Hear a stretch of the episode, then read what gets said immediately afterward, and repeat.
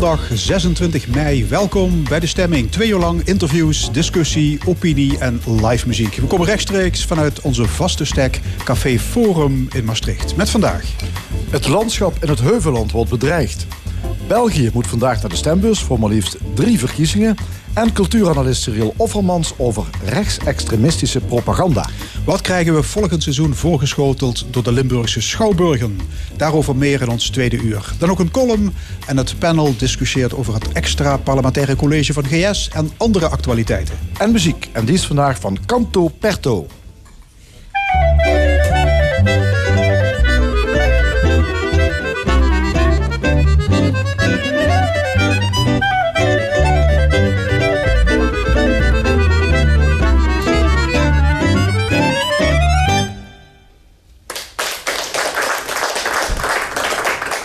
Ziet het steeds vaker. Landschap dat wordt opgeofferd aan bebouwing.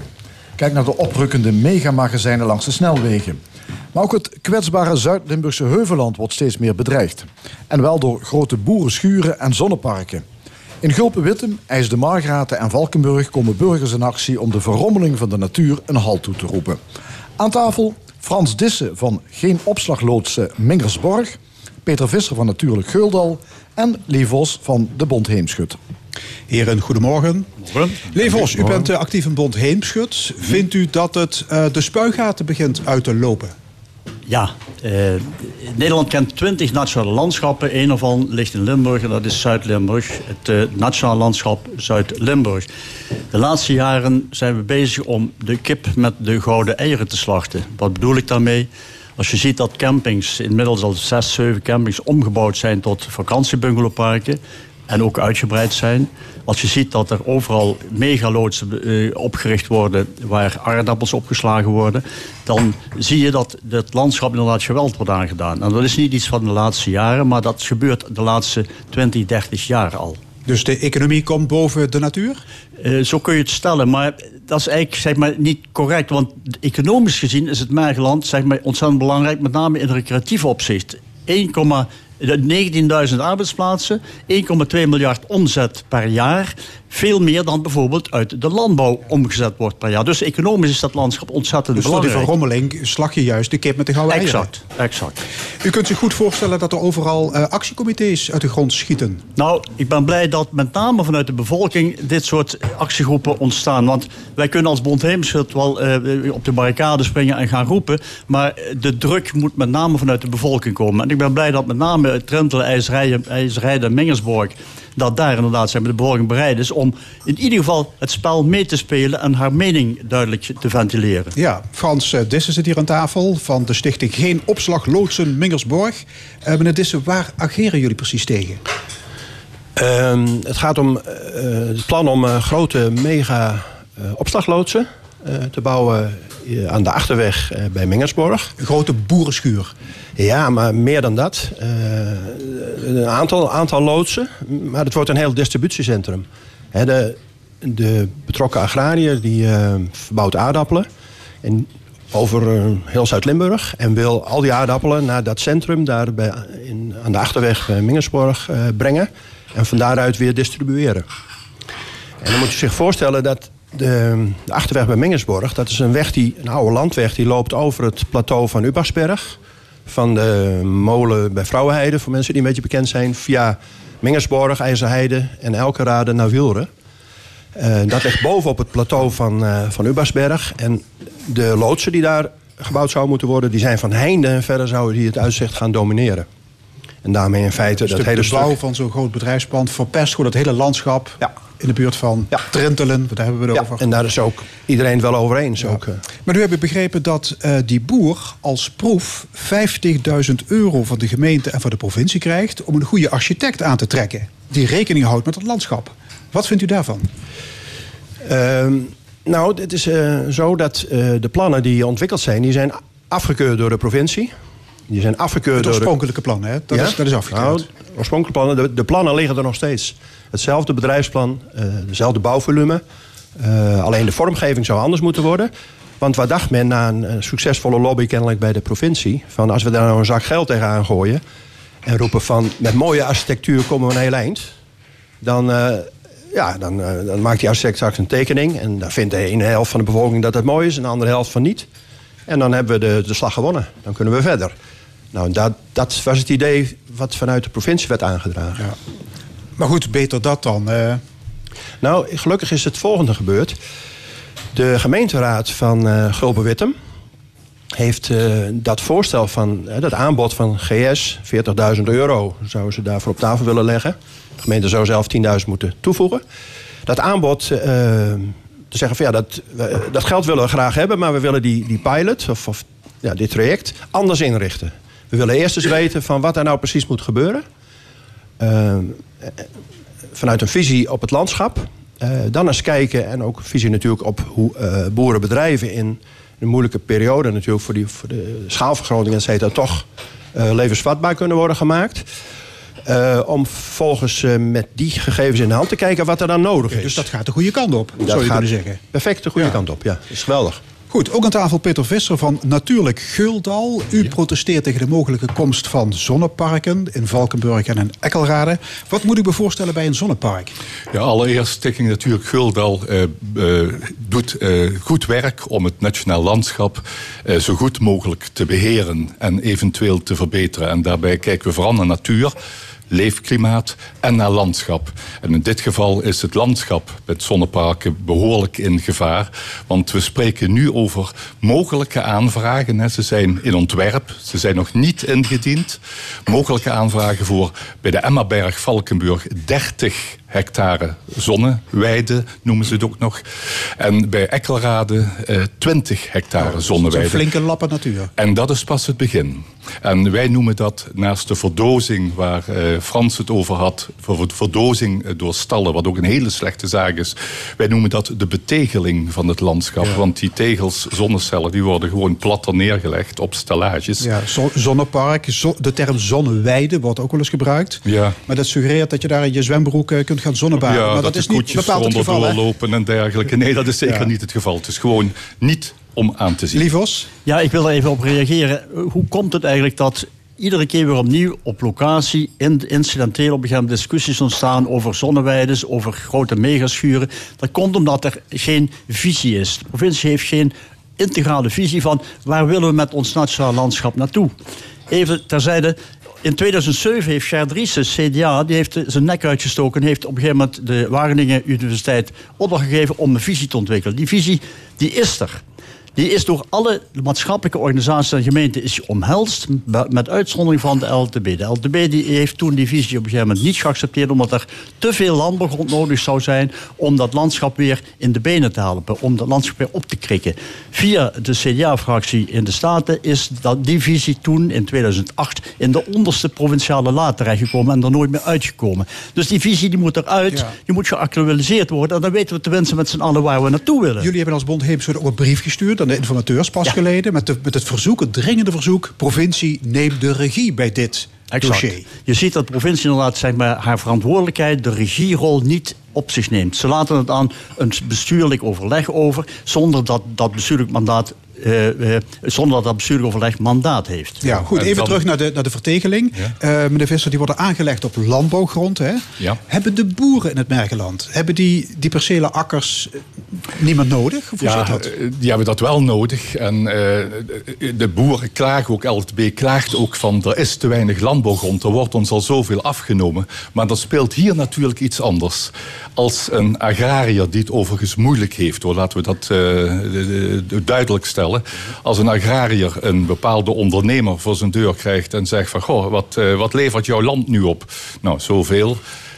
Als, als ik jouw land nou mag pachten om er zonnecellen op te leggen en je krijgt van mij het dubbele. En je hoeft ook nog niks te doen. Ja, wat denkt een boer dan?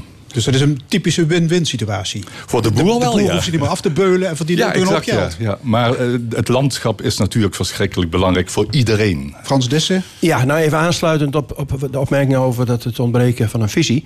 Kijk, wat er nu het, het grote eh, winstpunt in Gulpen-Wittem is nu... dat er besloten is om wel die visie te gaan ontwikkelen... op de boerderij van de toekomst, zoals dat heet. Om te kijken van of je boerderijen in het landschap goed kunt inpassen... zonder dat dat eh, de schadelijke effecten heeft die het nu heeft. En Ja, dat is te danken aan een, aan een progressieve meerderheid in de, in de, in de gemeenteraad van Gulpen-Wittem. Want sinds de laatste raadsverkiezingen, is, dat is historisch, is voor het eerst daar een, een progressieve Ja, meerderheid aanwezig. meerderheid, ja. Dat, je ziet toch dat het uitmaakt. De meerderheid van de partijen Pro en Balans. Die hebben samen de absolute meerderheid in de gemeenteraad van Gulpen-Wittem. Levos, Eh, wat die landbouw betreft, eh, in 2030 is, eh, is 25% van de thans nog zittende boeren is verdwenen. Dat betekent dat op de markt, op de grondmarkt, ruimte komt. Nu zie je dat de grotere boeren steeds groter wil- willen worden en de kleinere boeren het onderspit delven, omdat ze de financiën niet hebben om zelf ook wat uit te breiden. Je ziet dus dat met een enorme schaalvergroting. Wij vinden dat de provincie op een gegeven moment een soort voorkeursrecht moet garanderen. Zij, de, de- alle bedrijven die tegenwoordig zeg maar, op de man in de toekomst op de markt komen, zouden tijdelijk door de provincie van de markt genomen moeten worden. Om vervolgens met die grond allerlei sectoren die grond nodig hebben, wonen, werken, bedrijven, treinen, maar ook boeren, maar ook het landschap, om die grond inderdaad daar naartoe te sluizen. Dat betekent dat die provincie een veel actievere regie, regierol in, in handen moet nemen. Ja. Ja, en- U heeft deze week ook ingesproken hè, bij de beide informateurs op de informatieavond voor burgers. we- ja, hebben ja. ze naar u geluisterd? Nou, dat moet nog dat- blijken. maar dat als ik- komt die Vos als ik de- weer met als ik de eh, ontwikkelingen, aan de ontwikkelingen bij de coalitievorming inderdaad eh, eh, volg, dan, dan hou ik mijn hart vast eh, met de plannen die Koopmans op dit moment heeft, door gewoon maar wat gedeputeerden aan te Ja, gaan daar komen we straks in dit programma uitgebreid op terug. Peter Visser, u weet toch hè, dat wij afscheid moeten nemen van fossiele brandstoffen. ja, precies. Hè, zonne-energie hebben wij hard nodig. Dus ook die zonnepanelen. Ja, als je maar weet, daar ben ik het helemaal mee eens. Maar zolang we nog zoveel verschrikkelijk grote daken hebben... waar al die zonnepanelen op terechtkomen... laten we dan ons landschap sparen. Dus er is zoveel ruimte, maar het is natuurlijk iets moeilijker. Je moet eh, bureaucratisch wat meer regelen. Je moet met de eigenaar contact opnemen, enzovoort, enzovoort. Nou, dat moeten we er gewoon voor over hebben. En eh, bij IJsde bijvoorbeeld is ook een zonnepark ontstaan.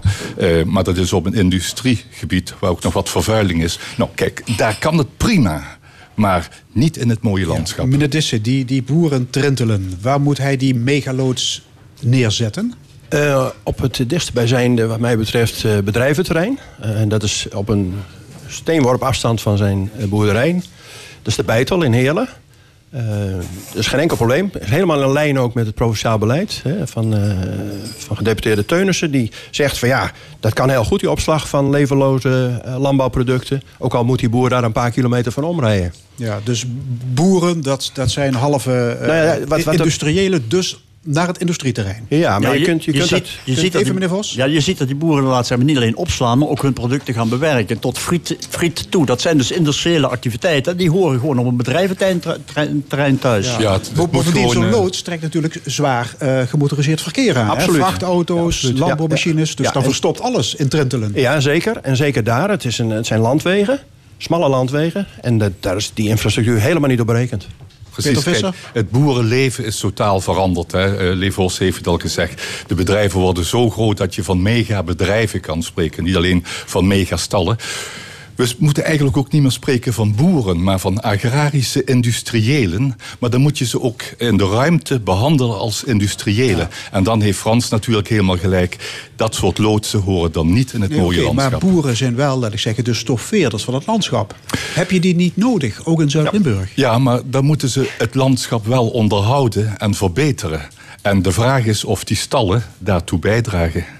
Neem niet weg dat er een landschapsfonds moet komen... Waaruit, van waaruit inderdaad die boeren, als ze landschapsonderhoud doen... dat ze ook eh, structureel en duurzaam betaald worden voor hun diensten. En daar ontbreekt het op dit moment ook aan. Wij zullen met z'n allen zullen wij een steentje, financieel steentje moeten bijdragen... om dat fonds te vullen. Want anders dan lukt het niet.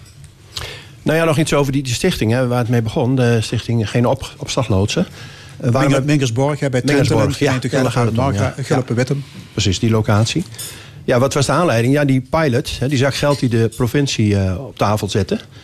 50.000 euro in totaal, en zo'n gemeente erbij. Toen zeiden wij even, ja, moest luisteren. Als, als, een, als een particuliere ondernemer, die voor zijn eigen belang gaat, prima, subsidie krijgt, dan willen wij ook subsidie om duidelijk te maken wat voor dingen er allemaal aan de hand zijn hier. En eventueel ook eh, gerechtelijk alle stappen te nemen om dat tegen te gaan. En dat is de achtergrond. Jullie willen, jullie willen dus ook geld. Wij hebben, wij hebben ook 50.000 euro gevraagd. Ik vind het wel een dat, idee. eh, eh, Daar wil ik ook wel eens eh, Ja. kijken of dat kan. Ja, omdat, Nee. dat, omdat dat weer een balans brengt in de discussie over het Heuvelland. De belangen die daar allemaal spelen. Ja, mega eh, magazijnen langs de snelweg, agrarische loodsen in het landschap, zonnepanelen in het groen. Eh, meneer Vos, u kent dat liedje Wie Schuanus Limburg is, hè? Hoe, Ja, hoe, die- lang, hoe lang nog? Dat nachtegaaltje is al lang verdwenen. Maar niet alleen dat nachtegaaltje, ook 75% van de insecten is verdwenen. Maar los daarvan, ik zou een oproep willen doen aan iedere Limburger... en ook mensen die daar buiten wonen... om eh, zich, zich warm te maken voor dat nationale landschap. Dat is een uniek gebied waar heel veel mensen profijt van hebben. En wij zullen op een gegeven moment de overheid, met name de, de politiek... moeten ervan overtuigen dat het de verkeerde kant Ja, op gaat. begin eens met een campagne, zou ik zeggen. Wij, hebben in, eh, wij gaan een campagne starten. Daar zijn we inmiddels al mee gestart. Maar wij zoeken soortgenoten en bondgenoten. Nou, hier om zitten- schouder- hier zitten ze aan om tafel. schouder aan schouder samen dat bewustwordingsproces op gang te brengen Ja. en door te zetten. Oké, wil Ja. iemand nog iets kwijt? Ja, Peter nou, Visser? ik wil nog... eh, Natuurlijk Guldal. Een kleinigheidje zeggen. Tij en Marij hebben een prachtig lied gemaakt, eh, Limburg. En als je ziet wat ze daar bezingen, moet je eens nagaan wat er nog van over is gebleven. Dat is mijn besluit. Hartelijk dank. Frans Dissen van Geen Opslag Loodsen Mingersborg. Ja, Peter Visser van Natuurlijk Guldal. En Levos van de Bond Heemschut. Dank jullie zeer. U ook. En op het podium van Café Forum staat vandaag Canto Perto. Eh, de groep speelt Braziliaanse choro. En dat is een muzieksoort die in de 19e eeuw ontstond. Uit de muziek weer die Joodse migranten uit Oost-Europa, Portugese en Afrikanen meenamen naar Brazilië. Eh, meer speciaal naar Rio de Janeiro. We gaan luisteren naar zo'n nummer. Rosa, hier is Canto Perto.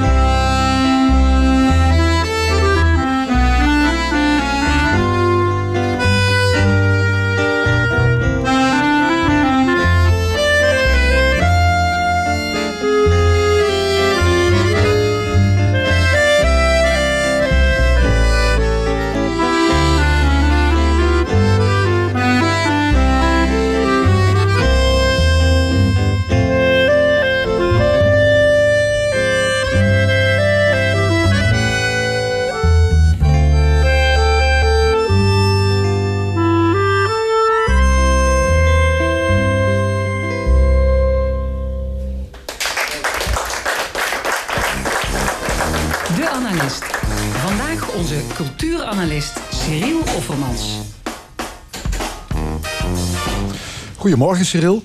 Goedemorgen. ik had het al aangekondigd eh, toen Ja. het programma begon. Jij wil het hebben over rechtsextremistische propaganda.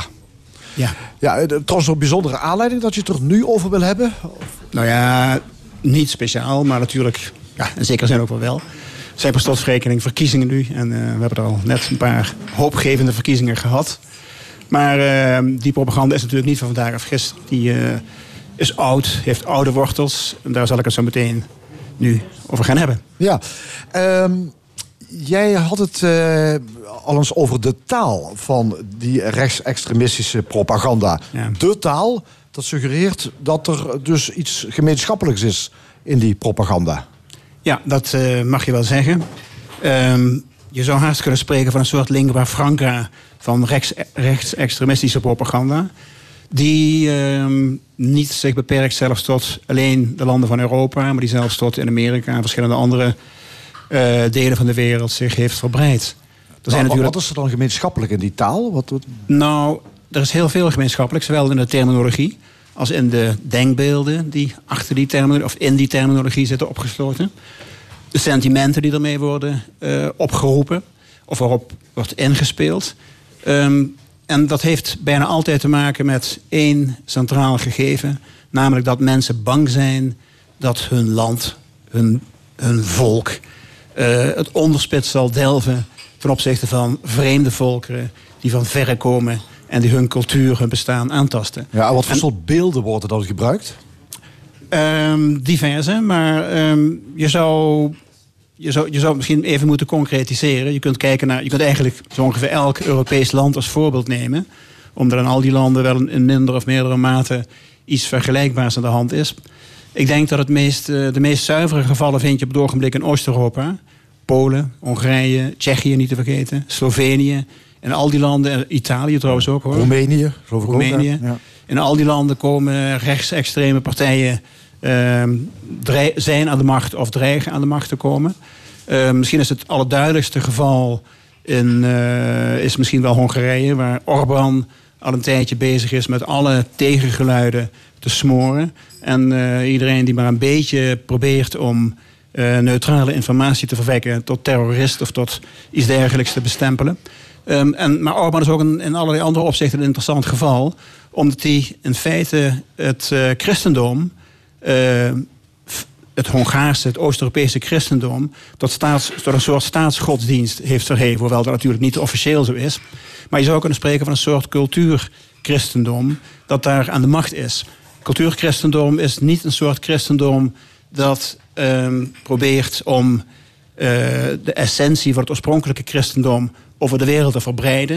Het is niet een soort eh, eh, uitgebreide hulp aan de armen die je, die je onderweg tegenkomt, maar het is eerder het tegendeel. Het is eerder een poging om de armen die je tegenkomt te intimideren, buiten te sluiten. En dat is een heel curieus verschijnsel.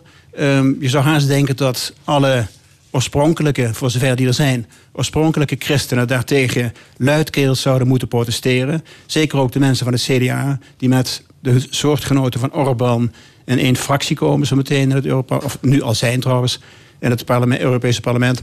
Ehm, want als je bedenkt hoe dat zit, dan zie je dat het oorspronkelijke christendom, iedereen die nog een beetje christelijk is opgevoed, weet dat. Die heeft nog de verhalen gelezen uit het Nieuwe Testament. Die kent op zijn minst het verhaal uit het Evangelie van Lucas over de barmhartige Samaritaan. Een verhaal waarin eh, sprake is van een man die een verwonde, gewonde reiziger, arm, gewond, langs de weg om hulp smekend eh, ligt, zit. Inderdaad hulp biedt, terwijl eerdere passanten, die notabene tot hetzelfde etnische of religieuze, eh, van dezelfde etnische en serieuze komaf zijn als de man die daar gewond ligt, eh, achterloos, onverschillig aan hem zijn voorbij gegaan. Ja, dus het Dan er- christendom predikt juist het christendom predikt een uni- grensoverschrijdende naastenliefde. het christendom predikt een universele moraal. Ja. Een universele, niet particular, particularistische moraal. En dat betekent dus dat ehm, je in elk geval grensoverschrijdend moet denken. En dat je naasten ook je, de vreemden zijn. Bij Ja. uitstek de vreemden. En wat nou dus... en dan, eh, dan terug naar Orbán, dan zeg jij, dan zie je eigenlijk iets tegenovergesteld Exact tegengestelde. Daar wordt het christendom gebruikt als een middel om iedereen die ook maar enigszins vreemd eruit ziet, buiten te houden en als vijand te bestempelen. Dus je kunt je eigenlijk niet goed voorstellen dat iemand die nog een beetje oorspronkelijk christelijk bloed of denkbeelden in zijn hoofd heeft, dat hij dat pikt en dat hij daar eh, mee in mee kan gaan. Ja, En- heb je enig idee waarom Orbán dan juist dat christendom gebruikt voor zijn ideologie en zijn politiek? Omdat natuurlijk een heel groot deel van de Hongaren is christelijk. Is, is, is, heeft, oud, heeft oude christelijke gewoonten gecultiveerd. Maar dat is ook al in, in heel veel gevallen is dat natuurlijk al lang een soort cultuur-christendom geworden. Waarin die authentieke christelijke inspiratiebronnen lang zijn vergeeld, verstoft en onbelangrijk zijn geworden. Zoals we dat in West-Europa natuurlijk ook zien. Je kunt, eh, je kunt er niet onderuit om te constateren dat in, eh, in Europa eh, eigenlijk al heel gauw het christendom een pact sloot met de duivel, zou je kunnen zeggen, met de machthebbers. Dat heeft in onze, in ons werelddeel in de 16e eeuw geleid tot de reformatie. Protest tegen de, het rijker worden en het, en het veel meer een machtsinstituut worden van de kerk. eh, dan oorspronkelijk de bedoeling moet zijn geweest. En we zagen dat natuurlijk ook verderop, tot en met nu, 20e eeuw. eh, de massa, eh, het massa-atheïsme van, dat vanaf de jaren 60, 70 van de vorige eeuw toesloeg was natuurlijk ook voor een heel groot deel een reactie op het, op het verlaten van de oorspronkelijke christelijke gedachte en het niet langer geloofwaardig zijn van het christendom zoals het zich had gevestigd in de machtsinstituten. Dus eh, wat dat betreft is Hongarije niet iets heel anders. En het, eh, maar het is wel zo dat in West-Europese landen het christendom ook al lang ehm, niet meer die machtspositie heeft en ook al lang een zekere bescheidenheid aan de dag legt. En ook niet eh, zo heel radicaal het christendom inzet als een middel om zich te keren tegen buitenlanders. Impliciet zit dat er misschien wel nog altijd een beetje in, als je Buma en dergelijke hoort. Maar in ieder geval niet expliciet. Terwijl het in eh, Hongarije en Polen en diverse andere Oost-Europese landen gebeurt het wel expliciet. En dat is natuurlijk een hele curieuze, vreemde ontwikkeling. Ehm, als je kijkt naar wat nou wereldwijd aan de hand is, dan kun je constateren dat eh, er één term is die in alle ehm, eh, discoursen in, in- over de hele wereld in extreem rechts een belangrijke rol speelt. En ehm, dat is het woord omvolken. Omvolken. Wilders en dergelijke gebruiken het ook met enige regelmaat. Omvolken, eh, overigens ook, jullie herinneren je waarschijnlijk de aanslag in Christchurch, 15 maart. Ehm, veel doden. De man die dat heeft gepleegd, heeft kort voor die tot die daad overging, heeft hij een manifest de wereld ingestuurd. Dat heet The Great Replacement. Dat was een vertaling van een Frans boek van een, een in Frankrijk bekende denker, rechtsextreme denker, vriend van Wellebec, eh, ook van indirect van, eh, met, met Martin Bosma en Geert Wilders. Eh, die heet Renaud Camus. Gelukkig heet familie van Albert Camus. Renaud Camus heeft een boek geschreven dat heet Le Grand Remplacement. De grote ja, verandering, vervanging in feite. De grote vervanging. En die vervanging Waar, waar slaat dat dan op? Wie wat dat wordt vervangen? In dit geval is het natuurlijk de, de, het witte, eh, supreme Europa, het christelijke Europa, wordt vervangen door, nou ja, vul maar in, eh, vreemdelingen, gekleurde vreemdelingen, de islam natuurlijk op de, e- op- in de eerste plaats. En ehm, we zien dat, eh, dat met name zo'n begrip als omvolken, dat heeft ook een oude traditie. Dat gaat eigenlijk al terug op zijn, op zijn eh, eh, op zijn minst tot Nazi-Duitsland.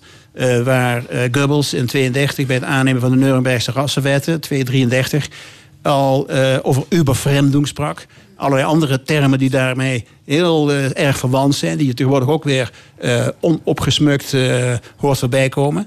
Überfremdung betekent in dat geval natuurlijk het feit, of het feit, de, de, de angst zou je kunnen zeggen, de erin gehamerde angst dat de Joden het Arische ras zouden besmetten homeopathisch zouden verdunnen en uiteindelijk de macht zouden grijpen. Ja, op, op- opvallend is wel dat men in West-Europa tegenwoordig spreekt over het behouden van de joods-christelijke cultuur. Dus dat jodendom staat al eigenlijk al gelijk en wordt al Ja. omarmd als authentiek Europees. Ja, dat is, eh, dat is een hele curieuze zaak. Ten meer omdat, eh, dat, dat is ook inderdaad een van de verschillen, zou je kunnen zeggen, die in de verschillende eh, idiomen van de, van de diverse rechtsextreme partijen constateerbaar zijn.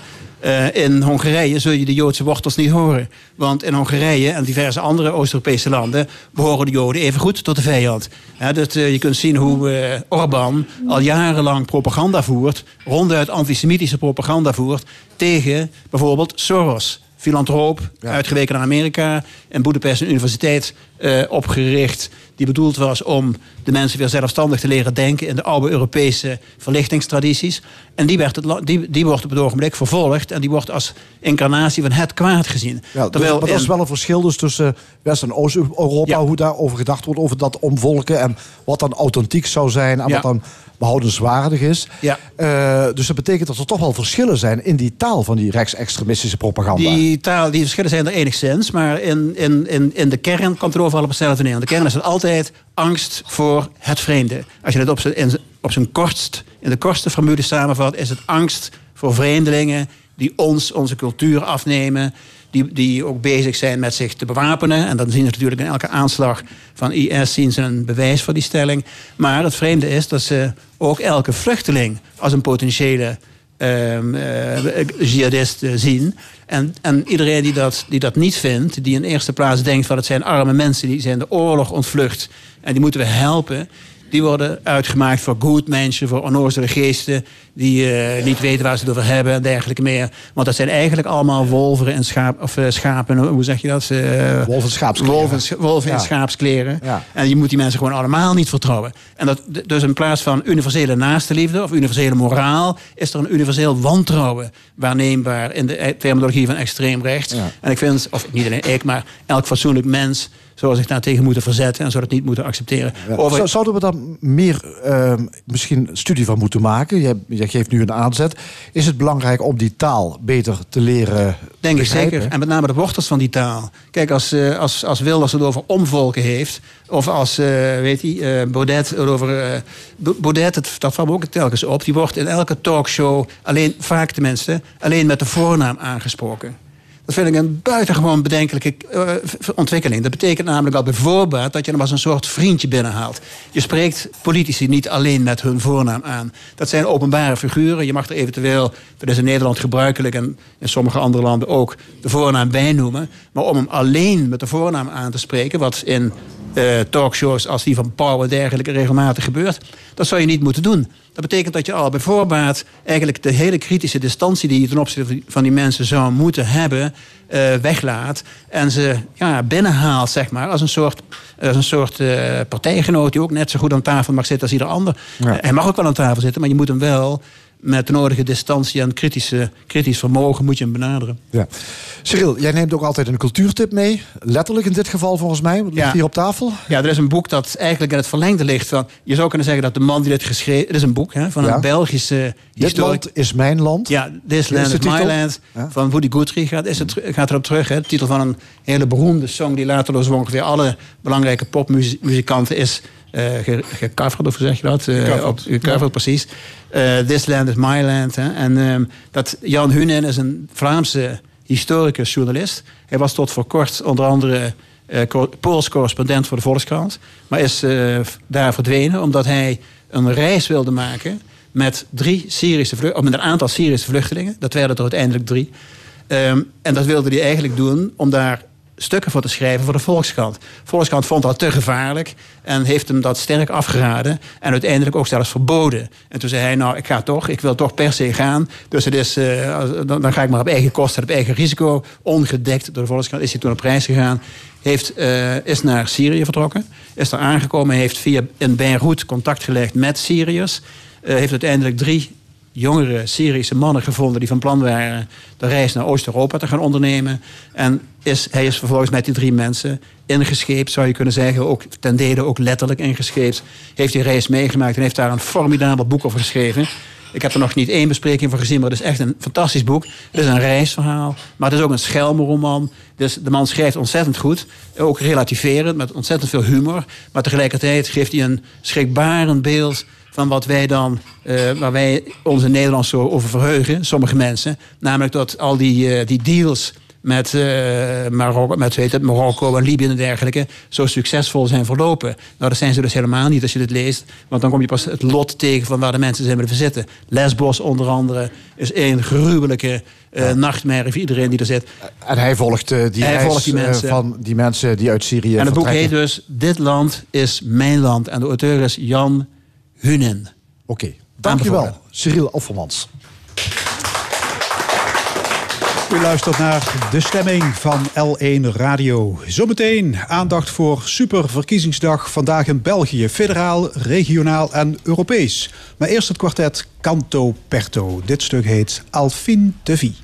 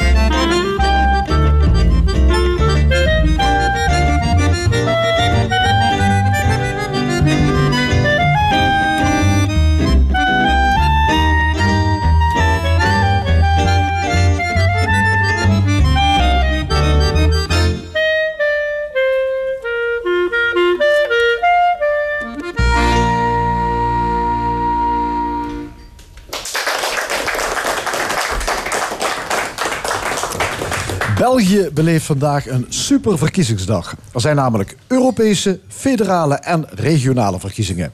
Werk aan de winkel dus voor de kiezer. De stemlokalen zijn tot 4 uur vanmiddag geopend. En we gaan erover praten met Belg en hoogleraar Luc Soete... en met theatermaker Adriaan van Aken van het Nieuw Stedelijk. Heren, welkom. Er is uh, ja, in Nederland maar mondjesmaat aandacht, vind ik, voor die verkiezingen in België. Luc Soete, uh, vindt u dat ook? En zo ja, hoe komt dat? Uh, ja, ik vind het absoluut ook. Ik denk dat het komt omdat er natuurlijk de Europese verkiezingen zijn die samenlopen, ook in Nederland. Hè. En dat er dus veel meer interesse is in wat er gebeurt in Nederland. Dat is ook heel natuurlijk uitermate terecht. En ik denk ook dat het zo complex is, die Belgische verkiezingen. Ja, dat, is waar. Maar goed, het, het zijn hoe... onze zuiderburen en we weten van niks. Ik bedoel, als je hier de straat op gaat en je vraagt wie is de minister-president van België, hoeveel mensen zullen het weten?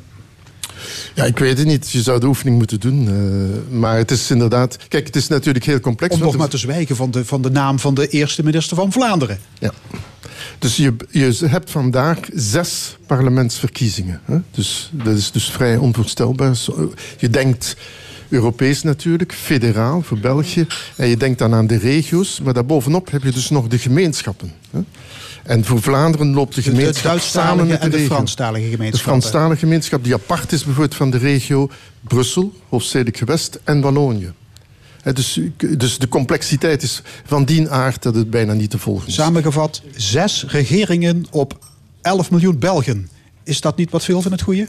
Uh, dat is uiteraard veel te veel. Als je het samentelt, ik geloof dat er iets van 450 parlementsleden worden verkozen vandaag in België.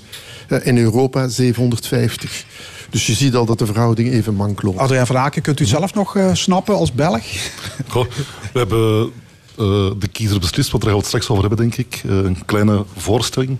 Heel vaak gespeeld op politieke dagen. Dus die worden georganiseerd voor scholen om mensen die voor het eerst gaan stemmen te informeren over hoe de politiek in elkaar zit. En een van onze politicologen, Dave Sinarde, gaf daar telkens de inleiding. En zo heb ik het toch een aantal keren opnieuw uh, gehoord hoe het land ook weer in elkaar zit. Want dat is echt iets dat je regelmatig moet opfrissen, want het is echt heel complex. Goed, laten we ons beperken in dit gesprek tot het federale bestuur. De regering Michel II. Dat is sinds uh, december een minderheidskabinet. Waarom is de NVA er toen uitgestapt, meneer Soete? De NVA is er formeel uitgestapt omwille van het tekenen van het Marrakesh-akkoord. Dat speelt ook in Nederland trouwens. En de NVA vlucht, het vluchtelingenverdrag. Het was het vluchtelingenverdrag, een VN-verdrag. Waarin dus voor Louis Michel, voor de premier, het onmogelijk was om dat niet te tekenen. Dat is een beetje de reputatie van België zelf, die, die in vraag werd gesteld. En voor de NVA met de verkiezingen die komend waren en de druk van het Vlaams Belang met name aan de extreemrechtse kant, was het risico voor de NVA om dus dat te tekenen dat ze dus in die verkiezingsmodus al kwamen en het heel moeilijk zouden hebben richting Vlaams Belang. En toen heeft men strategisch besloten om dus toch maar de stekker eruit te trekken. Ja, het is de grootste partij hè, in, in het België. Grootste... Het is een rechtse Vlaams nationalistische partij. Wat zeggen de peilingen? Wel, Goh, Adriaan Vraag? Um, er zijn er natuurlijk verschillende geweest die verschillende kanten op gaan. Ja, maar liggen ze weer op kop? Ik, ik denk het, ze, ze liggen niet heel zwaar op verlies. dat, is al, dat is eigenlijk hetzelfde als op kop liggen, denk ik. Ze, ze zitten aan 32% van de stemmen of zo, de NVA in Vlaanderen. Dat is heel veel. Dat is meer dan het dubbele van quasi alle andere partijen. En ze gaan er maar een klein beetje op achteruit volgens de peilingen. Dus het moet al gek lopen, wil de NVA straks niet terugkeren in de regering. een klein verlies is ook winst voor de NVA. Kijk, dit is, de, dit is de essentiële vraag van vandaag. Wordt er, komt er iets zoals een zwarte zondag, dus dat het Vlaams Belang echt wint en dus een aantal stemmen weghaalt bij NVA, die eventueel onder de 30% zouden komen dan krijg je echt een radicale breuk. Want dan zou het dus, dus de paradox in feite, dan zou je krijgen dat er een centrum-links front komt tegen NVA en dat NVA in de oppositie komt. Dus de cruciale slag vandaag is of dat de NVA 30% haalt. Ja, en anders wordt het weer NVA met de liberalen en de christendemocraten. Open VLD en uh, eh, CDNV. Telt links eigenlijk nog mee in België of is die stroming uh, helemaal weggevaagd? Eh, links is typisch in Vlaanderen, telt veel minder, ook dan in Nederland. Dus de P van de A, de SPA in Vlaanderen en Groen. En dan nog de, zeg maar, de SP in Vlaanderen, die noemt dan de P van de A in Vlaanderen. Dus dat, dat ja, is om toe te voegen aan de verwarring. ja. Als je die samen telt, is dat percentage veel minder dan bijvoorbeeld in Nederland. Eh, maar wat natuurlijk zo is, dat aan de andere kant van de taalgrens, in Wallonië, er in feite geen conservatief rechtse partij is. Dat is zeer opmerkelijk trouwens.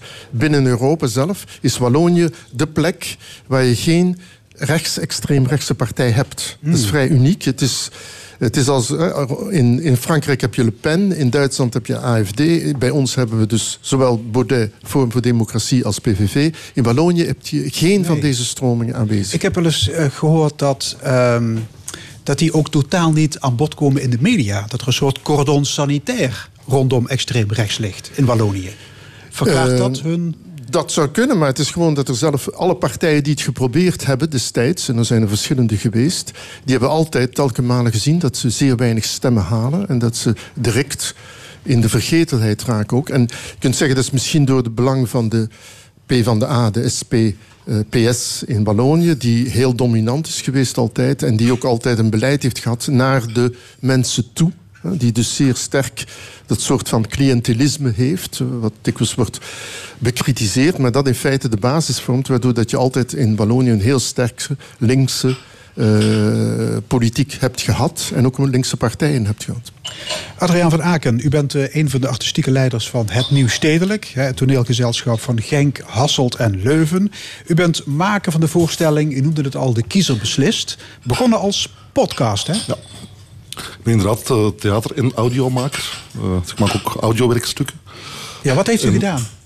Ehm, ik heb in de aanloop naar de gemeenteraadsverkiezingen van vorig jaar en met deze verkiezingen die nu komen, die nu bezig zijn, in gedachten, heb ik eh, 1500 stoplappen en andere platitudes van Vlaamse en Brusselse politici eh, verzameld.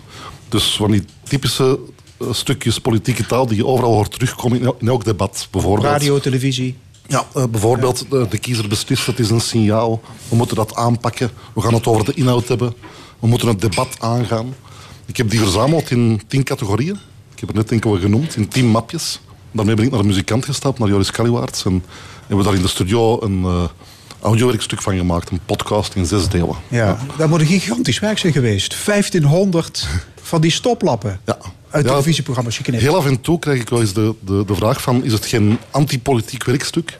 En dan zeg ik altijd van nee, nee, want ik heb daar echt wel uren eh, voor naar politieke uitzendingen moeten kijken. En dat duidt toch op eh, een zekere politieke interesse en liefde voor de politiek, namens de maker. Dat is een redelijk groot werk geweest. Ja, maar dat is wel heel fijn om zo heel veel... Ja, bij ons is dat Villa Politica te zien. Dat is zo... Ehm, elke, elke week op woensdag en donderdag zo vanuit de Kamer eh, een uitzending waar de politici heel uitgebreid aan bod komen en ook de interventies in de Kamer te zien zijn. En heel prettige televisie eigenlijk om... eh, Goed, ik wil een stukje laten horen uit de tweede aflevering. En die gaat over een nieuw verhaal. Elke crisis biedt natuurlijk ook wel de kans om met een nieuw verhaal te komen. Nu is het zaak om met een nieuwe ploeg natuurlijk een nieuw verhaal te schrijven. Een nieuw verhaal te schrijven met een nieuwe ploeg. Wij willen een heel ander verhaal. Er zit wel degelijk muziek in dit verhaal.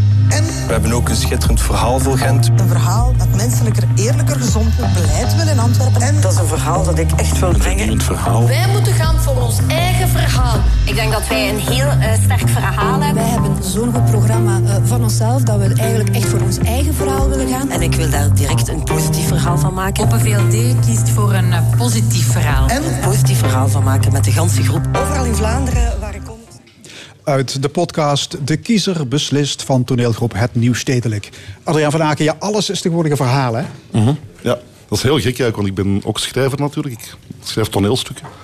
Eh, en dan denk ik altijd van, dat is toch mijn job? eh, verhalen verzinnen en verhalen schrijven en verhalen brengen. Dat heeft dan met, met politiek te maken. Want tegenwoordig, eh, eh, een vriend van mij is copywriter, zoals ze dat vroeger noemden. In de reclamewereld. Eh, die zegt van, nee, die copywriter, die term is al lang uitgestorven. Tegenwoordig ben ik het story. Eh, omdat alles inderdaad een verhaal is. Of, en als het geen verhaal is, dan moet er een verhaal van gemaakt worden, want dat gaat er lekkerder in bij de mensen. Ja. En de recensent die had het over een auditieve middelvinger naar het taalgebruik van politici. Zo is het ook bedoeld? Ja, dat denk ik Om wel. ze ja. bewust te maken van hun... Ik ben niet zo van theater met een spiegel, tenzij ik er zelf in mag meekijken. Want dit is wel echt een, een, een, een stuk theater met een spiegel, inderdaad. Ja. Eh, we hebben het ook een aantal keer kunnen spelen in de rand van politieke debatten, in aanwezigheid van politici. En voor hun is dat heel confronterend om dat te horen. En we denken zelfs dat en helpt het? In Hasselt hadden we een, eh, konden we echt vlak voor het debat spelen. En konden we na, na onze voorstelling oproepen van... ehm, heren politici, want het waren toen allemaal heren... eh, probeer nu eens dit debat te voeren zonder die stoplappen te gebruiken. En ze hebben dat toen ook echt geprobeerd. En ze gingen vaak de mist in, neem ik aan. Ja, ze gingen regelmatig de mist in, maar dat lukte eigenlijk vrij aardig. We dachten zelfs van, misschien zit hier wel een mediatraining in. Luc Soete, vindt u ook dat politici eh, grossieren in clichés en, en verhullend eh, taalgebruik? Ja, absoluut. En we hebben ook zo'n aantal Belgische. Tro is te veel. Eh, dat is een typische Belgische uitdrukking en die in de politiek heel goed ligt. Eh, dus nee, dat is absoluut het geval. En hoe maak je trouwens van een podcast weer een toneelvoorstelling? Ah, dat is een leuke vraag eigenlijk. Ehm, de, in de podcast, in het audiowerkstuk, zijn de, de, de stemmen, de politieke stemmen, echt op hun plaats in het politieke stereobeeld geplaatst. Dus uiterst links hoort, hoort je uiterst links in je oor, en uiterst rechts, uiterst rechts en de rest ertussen. En in de live-versie, dus met een acteur die als soort presentator optreedt, ehm, hebben we zeven ledstrips geplaatst, zeven lampen die telkens eh oplichten als er een politicus aan het woord is. In de juiste kleur ook. En dat geeft een soort visualisatie van het politieke stereobeeld. Dus bij een linkse dan- politicus dan, Dan, gaat dan een rode lamp branden. Dan gaat er een rode lamp branden aan de linkerkant enzovoort. En dan maakt er een soort van politieke lichtshow eh, van. En het wordt ook telkens dansanter. En er komt... eh, eh, op het einde wordt het ook uh, rumoeriger en, en, en, lijkt er geweld uit te breken. Mm. De kiezer beslist wordt vanmiddag gespeeld in de Nieuwe Zaal in Hasselt om twee uur en om vier uur. Mm. En die van twee uur is uitverkocht, hè? dacht ik. Ah, geen idee. ik oh, denk dat er genoeg plaats is eigenlijk, want we spelen in de grote zaal. Dus. Luc Soeter, bent u al gaan stemmen? Ik ben... Uh, mag u stemmen eigenlijk? Ik mag stemmen, maar het is u moet, om... U moet stemmen. Ik moet stemmen en om het nog toe te voegen aan de complexiteit... ik moet stemmen, maar alleen voor de federale verkiezingen. Dus ik mag niet stemmen voor bijvoorbeeld de Vlaamse uh, parlement of voor het Brusselse hoofdstedelijk gewest, want ik ben oorspronkelijk van Brussel. Omdat u als Belg in het buitenland woont? Omdat je als Belg in het buitenland woont. En mag je enkel stemmen voor de federale overheid.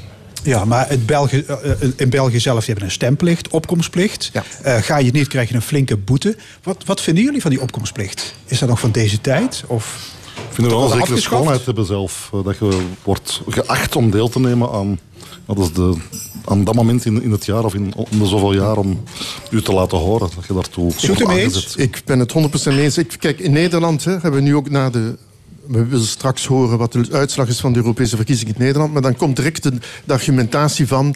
het is maar 40% van de Nederlanders die dat vinden. Uh, en door die stemplicht je kunt dat misschien niet democratisch vinden, maar tezelfde tijd is de uitslag wel veel democratischer. Ja, het is, het is van grote invloed, denk ik, op de uitslag natuurlijk, hè? Ja. Stemplicht. Stemplicht, ja. je kunt nog altijd blanco stemmen, je kunt nog altijd ongeldig stemmen. Uh, maar de, het feit dat je moet komen, geeft een bijkomende waarde aan die uitkomst van die verkiezingen. Ja. In Nederland gaat het politieke debat vooral over klimaat, migratie, identiteit, dat soort dingen. Wat zijn de grote thema's in België? Luc Wel, uiteraard ook klimaat zeker is naar voren gekomen. Maar uh, interessant genoeg is, zijn pensioenen heel sterk naar voren gekomen. En dat is natuurlijk typisch voor de Belgische situatie. Omdat men er geen aandacht aan gegeven heeft over de laatste 10, 20 jaar. Nu komt de babyboomers. Het effect komt nu naar voren met een zeer sterk oplopende pensioenlast. Ook naar de toekomst toe. En deze overheid, deze regering heeft voorgesteld om in 2030 de pensioenleeftijd op te krikken naar 67 wat we dus hier al in Nederland al lang mee bezig en zijn. Dat is een heikel En dat is een heel heikel punt en is heel scherp naar voren gekomen in de discussies rond de verkiezingen. Ja, klopt. De, de SPA, dus de socialisten, de PvdA hier, hebben daar een groot thema van gemaakt. En ze hebben dat eigenlijk heel aardig op de agenda gekregen. En uh, het zou wel eens kunnen dat, dat dat een van de verrassingen wordt van de verkiezingen. Een partij die dreigde ten onder te gaan door de opkomst van groen en de klimaatproblematiek. Uh, zou het wel eens kunnen dat we dat, dat de socialisten het verdacht goed doen vandaag. Ja. Dankzij okay, de pensioenen. We, we, wachten af en hopelijk gaat de formatie dan sneller uh, als in 2010. Hè. Die duurde toen 541 dagen. Maar misschien federaal zou het, wel, zou het wel ook eens zo lang kunnen duren deze keer. Federaal, ja. Oké. Okay. Hartelijk dank, hoogleraar Luc Soete en theatermaker Adriaan van Aken. En na het NOS-journaal van 12 uur praten we met de directeuren van de Schouwburg in Parkstad en Venlo over nut en noodzaak van meer samenwerking tussen theaters. Er is het opiniepanel, dat gaat over de actualiteit. En er is een column van Jos van Wers.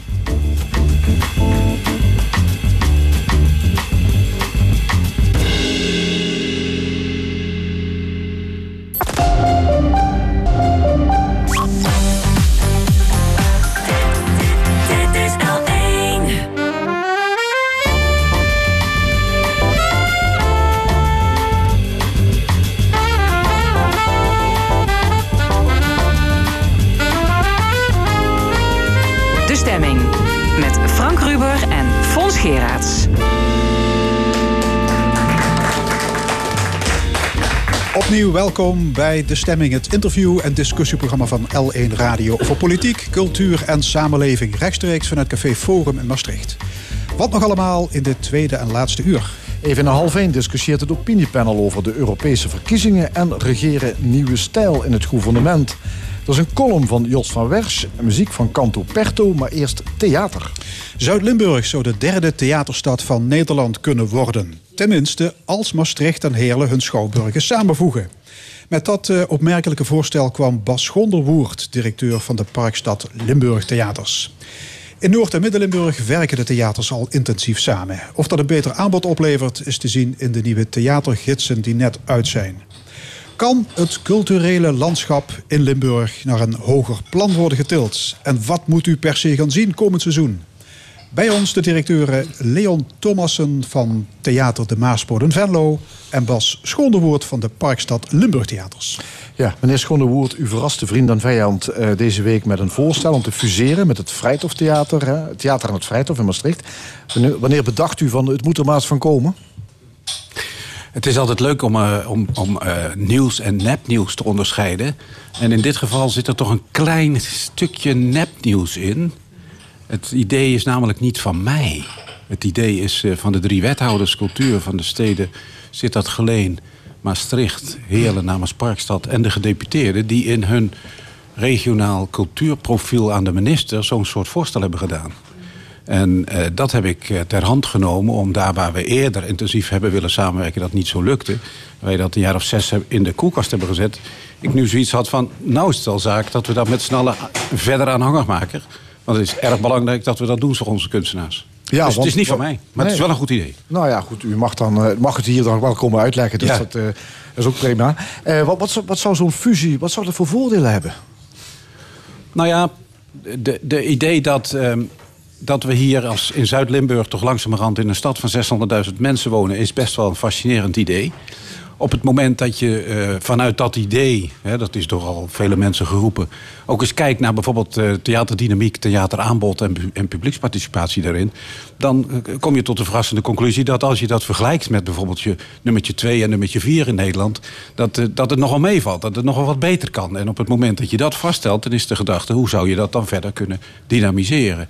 En samenwerking is daar best wel een interessante gedachte in, dat je niet allemaal alles van hetzelfde doet, maar dat je vooral probeert meer en vooral beter en, en interessantere kunsten te presenteren. Dat is een, uh, dat is een boeiende gedachte. En dat lukt met samenwerken zoals dat tegenwoordig gaat. Dat overigens alweer veel beter gaat dan twintig jaar geleden. Toen de theaters elkaar de tent uitvochten. Dat lukt toch niet echt, uh, echt heel goed. We bouwen nog steeds allemaal dezelfde gebouwen. En we trekken nog vooral allemaal aan dezelfde kunstenaars. En dat is denk ik in een pluriforme samenleving. Een samenleving die mondialiseert en steeds individueler wordt niet meer het antwoord op uh, culturele dynamiek. Ja, maar al die theaters, of die drie theaters in die drie steden in Zuid-Limburg... Die, die, zouden eigenlijk allemaal net iets anders moeten doen. Niet allemaal hetzelfde. Dat is... Nou ja, wat ze hetzelfde moeten doen... is dat ze natuurlijk primair eerst hun eigen stedelijk gebied bedienen... vanuit het publieksbelang en vanuit cultureel belang... En vervolgens zouden ze in gezamenlijkheid kunnen kijken... in hoeverre je dat in een optelsom tot een beter geheel kan krijgen. Dat is een beetje de fundamentele gedachte erachter. Ja, maar ja, u weet ook, die stad van 600.000 inwoners... die bestaat natuurlijk eigenlijk niet. Ja, dat zegt u wel, maar we luisteren nu allemaal naar L1. In die zin is die er dus wel. En ze gaan allemaal naar het Vrijthof dadelijk een pilsje drinken. En we zijn gisteren allemaal met z'n allen naar de Meubelboulevard geweest. En eergisteravond zijn we met z'n allen wezen skiën in, in de Parkstad. Dus dat bestaat niet. Dus denk ik meer een bestuurlijke these... dan dat het een these is die feitelijk manifest is... in uh, de hoofden en zielen van onze gezamenlijke burgerij hier. Ja, Leo Thomassen uh, van de Maaspoort. Denken jullie ook wel eens over een fusie met een ander theater in Noord-Midden-Limburg? Fusie denken we nog niet direct aan, maar ik ben wel heel erg voorstander van uh, intensief samenwerken. En in, in dat kader, daar zijn we de afgelopen jaren, dus ik sluit me heel erg aan met, bij, de woorden van Bas. Noorden-Midden-Limburg, wij zijn een, een, een, een grote stad van 550.000 mensen, dus we evenaren net Zuid-Limburg nog niet, maar wel ook van die gedachte om door samen te werken, ja, om uiteindelijk ja, de, onze gasten de winnaar te laten zijn. Maar uiteindelijk ook artiesten. Ja, jullie, jullie werken van, al veel samen. Wat, wat doen nou, jullie samen? We werken veel samen. We praten ook al jaren veel samen. We stemmen veel af. Dus dat is zeker al heel erg goed. Maar waar we nu uh, ook met behulp van, uh, van de steun van de provincie mee bezig zijn... is om een nieuw theatermerk te ontwikkelen. Theaterdichtbij.nl. Uh, en daar wordt in ieder geval het totaalaanbod van Noord-Midden-Limburg gepresenteerd. En we hebben, gaan intensief samenwerken op het gebied van marketing en programmering. Um, ja, en dat, dat moet in ieder geval uh, het theateraanbod veel interessanter nog maken dan wat het nu al is. Um, en veel beter bereikbaar maken voor iedereen in Noord-Midden-Limburg. Dus uh, ja, een heel belangrijke ontwikkeling. Ja, dat is samenwerking, dat is nog geen fusie. Is dat niet gewoon voldoende, samenwerking, meneer Schonewoerd? Nou ja, het is al heel fijn dat het ontstaat. Hè. De, de 30 jaar geleden was dat natuurlijk uh, ondenkbaar. En dat was ook niet zo nodig in die periode. Uh, uh, in Zuid-Limburg wordt er ook al best wel veel samengewerkt. Maar ja, ik draai al een poosje mee en ik zie dat het eigenlijk niet veel echt veel uithaalt. Ik bedoel, we, we halen niet eh, de stad nummer twee in Nederland in op deze manier. Dus er moet iets gebeuren om, eh, als we tenminste ons die wens stellen om een nadere dynamiek te, te veroorzaken, dan moeten we een grotere stap maken. En een van de gedachten is dan dat je het, het eh, intensiever samen doet. Onder één bestuurlijk gezag heet dat dan. En hoe je dat verder inricht, dat, eh, dat is vers Nee. 2. Want fusie is dan wel weer een heel zwaar woord. Maar je kunt heel goed wel degelijk dingen eh, meer samenbrengen... dan alleen aan de voorkant een poortje maken... waardoor mensen naar binnen kunnen kijken. Ja. Ik denk niet dat dat de oplossing is. De Parkstad Limburg Theaters, Heerlijk Kerkraden, die draaien goed. 288.000 bezoekers. Ehm, Maastricht, 177.000 bezoekers in een jaar. Wat doen ze fout in Maastricht? Ik denk dat, het, eh, dat, het, dat ze het in Maastricht nog niet zozeer fout doen. Kijk, als je kijkt naar de, de getallen van, eh, van eh, neem een, een stad als Amersfoort of, of laat zeggen Dordrecht of Ede, allemaal steden van zo'n 120.000 inwoners, die halen de getallen niet die in Maastricht gehaald worden. Dus in die zin is het niet slecht. Maar de optelsom is nog steeds niet dat wij de tweede, derde stad van Nederland zijn. Dus in die zin doen we het met z'n allen nog niet goed genoeg. Ja, die, het, het, het, zal maar zeggen, in, in totaliteit is het niet voldoende. Dat denk ik, ja. ja. Wij kunnen veel meer interessante kunstenaars naar onze regio trekken... als we ons manifest er opstellen als één cultureel gebied, denk ik, ja. want- Met onderscheidelijke eh, want- stedelijke eh, entiteiten. Want, want waarom kun je dan interessantere mensengroepen hier naartoe halen... als je je als eenheid presenteert? Want wat heb je dan meer Het heeft twee, twee voordelen. Kijk, op het moment dat je nog een beetje uitgaat van de, van de these... dat er een soort, soort muur om je stad staat... en dat je ook je, de burgers in, eh, eh, even verderop niet vertelt... wat er in de ene stad gebeurt... en vervolgens in de andere stad dat ook niet doet... maar vervolgens ook nog een keer hetzelfde gaan lopen doen... Ja, dan, dan gaat er geen extra dynamiek komen. Je moet je natuurlijk toch realiseren dat we met een jaar of dertig veel individueler geworden zijn. En daarmee zijn we ook veel diverser in onze keuzes geworden. En die diversiteit aan keuzes die maakt dat we eigenlijk geen enkele stad meer in Nederland het voor zichzelf goed voor elkaar kan krijgen. Dat is niet aan Heerlen of dat aan Kerkrade of aan Heel Maastricht of aan, aan, Venlo. Nee, dat is gewoon een, een, mondiale ontwikkeling. Nou, wil je dan toch eh, enige massa bij elkaar brengen... dan zul je vanuit een grotere entiteit moeten kunnen werken... om uiteindelijk toch steeds weer in die kleine niches ook... voldoende reuring te maken. En daarmee dus platform te bieden aan de kunstenaars... die daar manifest in kunnen zijn. Ja, minister van Engelshoven van Cultuur die denkt na over nieuw cultuurbeleid. Eh, daarin is de verwachting toch dat de regio, dat er, dat er, dat er meer plek komt voor cultuur in de regio. Ehm, hoe kunnen de Limburgse theaters nou samen ervoor zorgen dat ze ook opgemerkt worden in Den Haag en dat ze dus iets van die koek kan krijgen, een groter deel? Nou, ik denk dat een van die zaken in het beleid is ook dat eh, regio's die, eh, die hebben ook allemaal een eigenheid. Hè? Dus, eh, en ik denk dat als, als we dan naar Limburg kijken, ja, Limburg die heeft, die heeft absoluut ook een hele grote eigenheid. Ik heb daar pas met Teun Buurmans over gesproken. Eh, er zijn heel veel ideeën, ook bij makers, om, om, om zaken te projecteren op dat Limburgse. Dus, dus door een hele goede samenwerking eh, ontstaat er ook een hele goede kans om vanuit de theaters zelf eh, producties die heel erg op, op Limburg betrekking hebben, eh, op de planken te krijgen. En daarmee laat je als, eh, als, als regio natuurlijk zien. Je moet echt iets regionaals ook toevoegen aan dat aanbod. Nou, daar ligt in ieder geval denk ik een hele grote kans. Als ik naar Venlo kijk bijvoorbeeld, ja, dat is een echte maakstad. op amateurvlak dan. we hebben geen professionele eh, instelling op dat vlak, maar wel heel veel amateurmakers. En er wordt ontzettend veel gemaakt. Eh, wat heel erg dicht bij, eh, bij, bij inwoners staat en, en waar mensen ook massaal naar komen kijken. Dus ik denk als je dat naar een wat hoger plan weet, eh, weet te halen, ja, dan, dan kun je echt iets toevoegen. Ja, dat dreigde eigenlijk tot, dinsdag, tot donderdag zeker nog een forse korting ook op de Maaspoort. De gemeenteraad is daar nu voor gaan liggen. Hè. Er moest bezuinigd worden in de stad, want ja, er is een tekort. Hoe, hoe staat de Maaspoort er financieel eigenlijk voor? Nou, op zich staan we er eh, financieel eh, in zoverre goed voor dat we ondanks eh, al jaren van zware bezuiniging toch altijd het schip goed op koers hebben weten te houden. Ja, twee jaar geleden hadden jullie nog een tekort van een ton. Nou nee, toen hebben wij gewaarschuwd voor een ton tekort. in verband met wat ingrepen die ze bij de gemeente van plan waren. Dus uiteindelijk, t- ja, we hebben de afgelopen acht jaar altijd zo, zo rond een nulpunt ge, gekoerst, zeg maar. Ehm, en ehm, hoe heet het? Ehm, ik ben heel even de, de, de vraag kwijt. Nou ja, ik vroeg me af hoe de financiële situatie. Financiële situatie. Als zaken lees dat ik denk dat gaat niet zo goed daar. Nee, het, eh, het is gewoon een, eh, een gezonde situatie, maar wel, waar wel altijd spanning op zit. Dus als je bijvoorbeeld even gaat kijken, eh, de gemeente Venlo, hoeveel dat daar per inwoner wordt uitgegeven voor cultuur. En we, ik vergelijk dat bijvoorbeeld met, met Bas, Heerlen. Eh, in 2015 was ongeveer in Heerlen werd het dubbele uitgegeven aan cultuur dan in Venlo.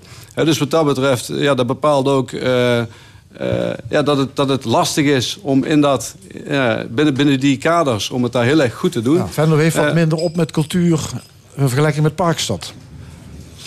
Ja, maar ik vind het niet zo'n boeiende discussie. De discussie zou veel eerder over, over iets anders kunnen gaan. De minister is nu, staat op een kruispunt waarop eh, eh, eh, 30 jaar geleden het laatst een hoek is omgegaan. En die hoek, 30 jaar geleden, was dat het genationaliseerd werd. Nu heeft de minister nadrukkelijk... Veel twee- aanstaat voor de Randstad, Amsterdam, Den nou, Haag. veel aan, aandacht voor vooral de kunstenaar. En vervolgens kwam dat in de Randstad terecht. Inmiddels zijn wij in Nederland zover dat we, er, dat we erachter zijn... dat we vanuit een nationalistisch eh, idee niet echt een kunstbeleid krijgen... dat past bij een culturele dynamiek, ook in de regio's en de Randstad. En juist op dat moment moeten we denk ik als, als regio manifester zijn... En, en kunnen zeggen, luister eens beste mensen... als u van acht toneelgezelschappen in Nederland... waarvan er vier in de eerste divisie en vier in de keukenkampioen-divisie worden gesubsidieerd... anderhalf en 2,5 miljoen. En u gaat daarna terug om ze allemaal terug te zetten naar anderhalf miljoen... en u gaat twee topgezelschappen creëren die dan eh, niet in de periferie staan... dan denk ik dat het zaak is dat je die minister aan de jas trekt... en zegt, beste minister, wij hebben ook een regio waar het toe kan doen. En niet alleen voor de regio, maar vooral ook voor het land en internationaal. Nou, die boodschap die moeten wij eh, uitdragen. Dat er lokaal natuurlijk spanning zit op gemeentelijke budgetten, dat is helder. Dat is niet alleen aan Venlo, dat is niet alleen aan Maastricht of Heerlen of Kerkrade. Al die gemeentes worden ongelooflijk door het Rijk beroofd op hun gelden, omdat ze nationale taken krijgen. Nou, in dit geval denk ik dat juist omdat het geld nationaal ligt, dat we bij de ministers op de deur moeten kloppen en zeggen: dan willen wij graag een nationale taak. En dan hebben we ook graag daar de gelden bij, opdat we ook daarmee onze kunstenaars actief in onze regio kunnen eh, faciliteren om die stukken te maken die er en regionaal, nationaal en mondiaal toe doen. Ik Ja, denk is- dat is dat de- het debat moet zijn. Ja, is, de, is de tijd er nu rijp voor? Is er, bedoel, eh, staat er iets te veranderen? Over een week komt de minister met een brief. Vervolgens, de, de, de, er is al een jaar of twee, is er een hele route gaande... met de Raad voor Cultuur ook, met prachtige adviezen die dat ondersteunt. Niet alleen ondersteunt in, in, in, in zin van na- nationaal naar regionaal... maar ook in de zin van welk cultuurdomein past ons nou... om te definiëren als ook belangrijk voor rijks- en provinciaal beleid. Nou, dat momentum is nu aan de orde. Die brief die de minister nu gaat schrijven de komende dagen... die gaat richtinggevend zijn voor de komende vier jaar... maar daarmee ook waarschijnlijk weer voor de komende 25 jaar. Daar moeten wij op voor sorteren. Hadden we al op voor moeten sorteren, meer dan dat we doen. Dan kunnen we er ook gewoon nationaal op de trom trappen. Wij zijn ongelooflijk gelukkig en, en blij met fantastische talenten... bij bijvoorbeeld toneelgroep Maastricht. Die jongens doen er toe. Dat zijn echte jongens, de nieuwe Ivo van Hovers van de toekomst. Als we die niet na- regionaal kunnen faciliteren... dan is het niks anders voor hun weggelegd... dat ze naar Gent of naar Amsterdam of Rotterdam vertrekken. Wij hebben heel veel te bieden aan die jongens. En dat voelen ze ook. Ze, je merkt gewoon dat ze dansen op de dynamiek van de cultuur die hier leeft. Dat moet je dan faciliteren. En dan moet er wat rijksgeld ook naar deze regio kunnen komen. En dan kunnen we er ook toe doen, ook met de inwoners hier. Ja, toneelgroep Maastricht is trouwens wel een voorbeeld inderdaad van eh, zo- zo'n gezelschap dat ook heel veel regionale inkleuring geeft natuurlijk. Ja, maar wel op een manier die dan ook nationaal toe doet. Ik bedoel, het, het blijft nooit schuifdeuren werken. Het gaat ergens over. Ze weten een ongelofelijke verbinding te leggen, ook op inhoud, tussen wat er regionaal toe doet, wat je kunt amenderen ook, wat nationaal en internationaal thema's zijn waar het om draait. Ja. Jullie hebben ook de theatergidsen meegenomen voor het komend seizoen. Eh, want dat is natuurlijk eh, vooral interessant voor het publiek om te weten wat er te zien is. Eh, Leon Thomassen in de Maaspoort. Wat, ja, wat, wat, wat zou je vooral moeten gaan zien? Want het is een dikke gids, maar ja. Nou, ik zou, ik zou Haal er eens iets uit. Ik zou beginnen, ga het volledige programma gewoon eens bekijken. Eh, er zijn nog altijd mensen die zeggen, ja, theater is niks voor mij. En ik geloof dat niet. Eh, Het theateraanbod is zoveel omvattend dat ik overtuigd ben dat er voor iedereen wat tussen zit. Dus dat wil ik vooral eh, als tip, tip meegeven. Ehm, nou, waar ik me natuurlijk enorm op verheug. eh 15 juni is de, is de première, de Nederlandse première van Amadeus. Eh, dat is een project wat in Heerlen en in eh, Venlo te staan is. Ehm, wij mogen de, de Limburgse première hebben. Ehm, Ja, en- leg even en- uit, wat is Amadeus? Ja, Amadeus is een, eh, ja, een waanzinnig spektakel. eh, geregisseerd door uh, Boomans over het leven van, ja, Mozart. van Mozart. Ja. En ja, dat, dat belooft iets, iets ja, spectaculairs te gaan worden. Ja, want dat is, dat En- is muziek, maar dat is ook theater. Misschien is, mag ik ja. even helpen, want ik heb het geluk dat, dat, soms is, is, is je dat vergeven. Dat ik de voorstelling gezien heb, eh, want het is een National Theater productie. Het is een productie die rust op de tekst van Pieter Schaffer uit 1976, geloof ik. En handelt over de relatie tussen Salieri en, en Mozart. En, Mozart, eh, Mozart als popster eigenlijk van en, zijn en tijd. Teun Boermans die heeft gezegd, ja wacht even, die tekst van 76, dat, dat is interessant. Maar wat is nog interessanter is dat Salieri, die is eigenlijk de staatssecretaris voor cultuur in tweede van die tijd. En Mozart is eigenlijk de, de, de, de, de, ja, de antichrist, de, de, de man die, die komt met een muziekklank, die, die is natuurlijk niet voor het establishment. Nou, dat, dat wrikmoment, dat wrijvende moment van toen, haalt hij naar de discussie die wij nu hebben in de verbreding van de officiële cultuur, vanuit de kanon ook naar andere domeinen van de kunst en cultuur, waarin die zegt, de, klassieke muziek van nu schuurt met de popmuziek van nu. We hebben eh, twee jaar geleden voor het eerst de nationale subsidie gezien voor popmuziek. Nou, de, de hel was te klein. En, en daar gaat in feite deze, eh, deze, de- deze eh, Amadeus over, die natuurlijk fantastische muziek levert van die verdomd goede, ongelooflijk fantastische Mozart. Ja, die Am- ook een beetje rebel was. Oké, en Jet Amadeus. Rebel. Amadeus staat op één, eh, hoor ik al. Jullie zijn er Ja, allebei helemaal. Wij zijn er echt helemaal gek Ja, zo van. mooi als Bas, echt eh, kon ik het niet vertellen, maar... 60 Ja. man op de bühne. Dus dat, Ja. dat, dat, dat, wordt ook nog een, nog een nog even verder. Wat, eh, Nou ja, wat ik zei, ik vind het hartstikke lastig. Maar als ik dan toch... Ik blijf gewoon een beetje bij het begin van het theaterseizoen. eh, in samenwerking met Grenswerk. Eh, eh, Poppodium in Venlo. eh, brengen we in open lucht. begin september André Kuipers. Met een strijkersorkest van 21 mensen. Ik, ja, ik denk dat dat ook iets enorm bijzonders gaat worden. Dus de verhalen van André gecombineerd met prachtige, ja. prachtige We hebben muziek het over in de open lucht. astronaut eh, André Kuipers. Ja, klopt. Ehm, ja, en ik, ik vind het Metropoolorkest eh, was lange tijd weg uit Venlo. En ja, is sinds enige tijd weer, weer terug. In december staan ze er weer. Verheug ik me ook enorm op. Ja, was Schonewoerd nog iets uit uw gids? Ja, eh, ik blijf maar even bij, kort bij huis. Ehm, wij zoeken graag de verbinding. En in dit verband is de verbinding met ons gezocht. Eh Stijn Huids die heeft een expositie. In, Directeur eh, Mont- van het. Ja, in Montpellier Ja. gezien van Andy Summers. Niemand minder dan de leadgitarist van de Police. En bij de vernissage in eh, Montpellier eh, speelde Andy Summers als gitarist, want daar is hij zeer verdienstelijk in, in het lokale theater van Montpellier. Een theater wat gelijkenis kent met dat van ons. En Stijn had zoiets van, ja, dat vind ik nou een mooie verbinding. Die ga ik ook proberen te leggen. En die heeft ons gebeld. Nou ja, daar kun je lang over praten, maar het wonder gaat daar gebeuren. Wij krijgen een privéconcert van niemand minder dan Andy Summers. En dat gaan we aan niemand anders eh, aanbieden. Aan Jan Smeets, waarbij natuurlijk een, een icoon van de popmuziek... die krijgt van ons toch een stukje police bij zijn 50ste Pinkpop. En dat gaan we eens even jullie doen. Dat, dat, dat, geeft mij een soort warmte, omdat het en een stuk gitaar, gitaarmuziek is. Ja, daar, daar, daar, daar kan je allemaal wat van vinden, maar je kunt er niks slechts van vinden. En het is een verbinding van beeldende kunst en theater. Dat is wat mij betreft een, een, een geweldige. En wat mij betreft is ook, want we hebben natuurlijk ook best veel... en mensen kijken gewoon naar die website... maar die serie topklassiek in Limburg... daar mogen we met z'n allen best trots op zijn. En dat het Koninklijk Concertgebouw Orkest weer komt 6 maart... dat vind ik toch best wel een, eh, een toppertje in het eh, culturele seizoen dit jaar. Ja, oké. Leo Thomassen, tot slot. Nog één. U mag er nog één noemen. Nee?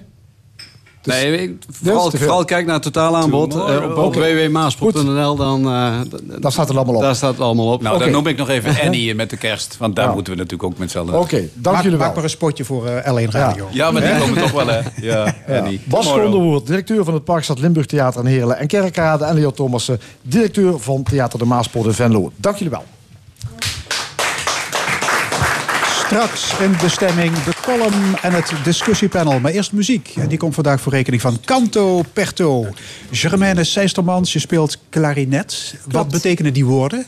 Canto, Canto Perto. perto. Eh, letterlijk vertaald komt canto van het woord cantar, dus zingen.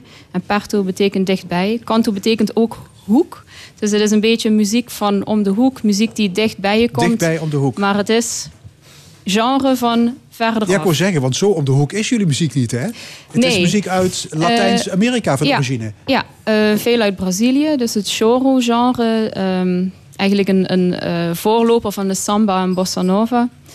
Eh, Ja, dat heet choro. Choro. Braziliaanse volksmuziek. En daar Ja. hebben jullie een soort eh, Europese versie van gebrouwen. Ja, we doen het op onze manier. Het is muziek die van origine eh, veel invloed had van Europese muziek. Eh, dus bijvoorbeeld eh, polka, wals, de Scottish of de Schottisch, zoals het daar was. Nou, dat heeft zijn uitwerking gevonden daar in Brazilië in de late 19e eeuw en ja, tot tegenwoordig nog. En wij eh, halen het dan weer naar Europa en brengen het op onze manier hier eh, in de buurt. Je hebt een paar reizen gemaakt hè, door Brazilië. Ja, is, is dit klopt. jouw muziek? Eh, ik heb er wel een voorliefde voor, ja. Hey, er wordt niet eh, gezongen, het is puur instrumentaal. Ja. Eh, welke instrumenten gaan we horen? We hebben contrabas, dat is Wim Kleine, Foppe Jacobi op accordeon, Io Doutsenberg op gitaar en ikzelf op klarinet. En straks bij ons optreden in Venray om eh, twee en vier uur ook basklarinet. Ja. Waarom hou jij zo van de klarinet? Het is een heel flexibel instrument, relatief groot bereik. Wat is flexibel? In welke zin? Eh, flexibel in de zin dat je, je kunt op de heel klassieke manier spelen, maar je kunt er allerlei eh, effecten ook mee creëren, de extended techniques. ehm, ja, ja, je hebt er ook wel eens hele e- experimentele muziek mee gemaakt, hè? Met de. Ja, eh, vooral. vooral. Eigenlijk. Ja. Dus, en dat kan lopen van soort performance-achtige dingen, waarbij ik door de ruimte beweeg tot eh, werken eh, die ik nu maak voor mijn residentie bij productiehuis Intro in situ. Ehm, waarbij eigenlijk de hele ruimtelijke beleving aan bod komt. Dus ik maak er ook installaties bij en een lichtplan. Oké, Ja. nou maak er ook een ruimtelijke beleving van hier. Ja. Wat wordt het eerste nummer? Of jullie Eh, volgende nummer? Jullie eh, laatste nummer moet ik zeggen? Seresta. Seresta. Van eh, ehm, de Rivera, Paquito Rivera. Oké, Jermaine Seistermans, dankjewel. Je mag terug naar het podium. Dan kan ik nog even melden dat dit combo vanmiddag optreedt in het Odapark in Venray. Aanvang 2 uur en 4 uur. Goed, luistert u naar Canto Perto met Seresta.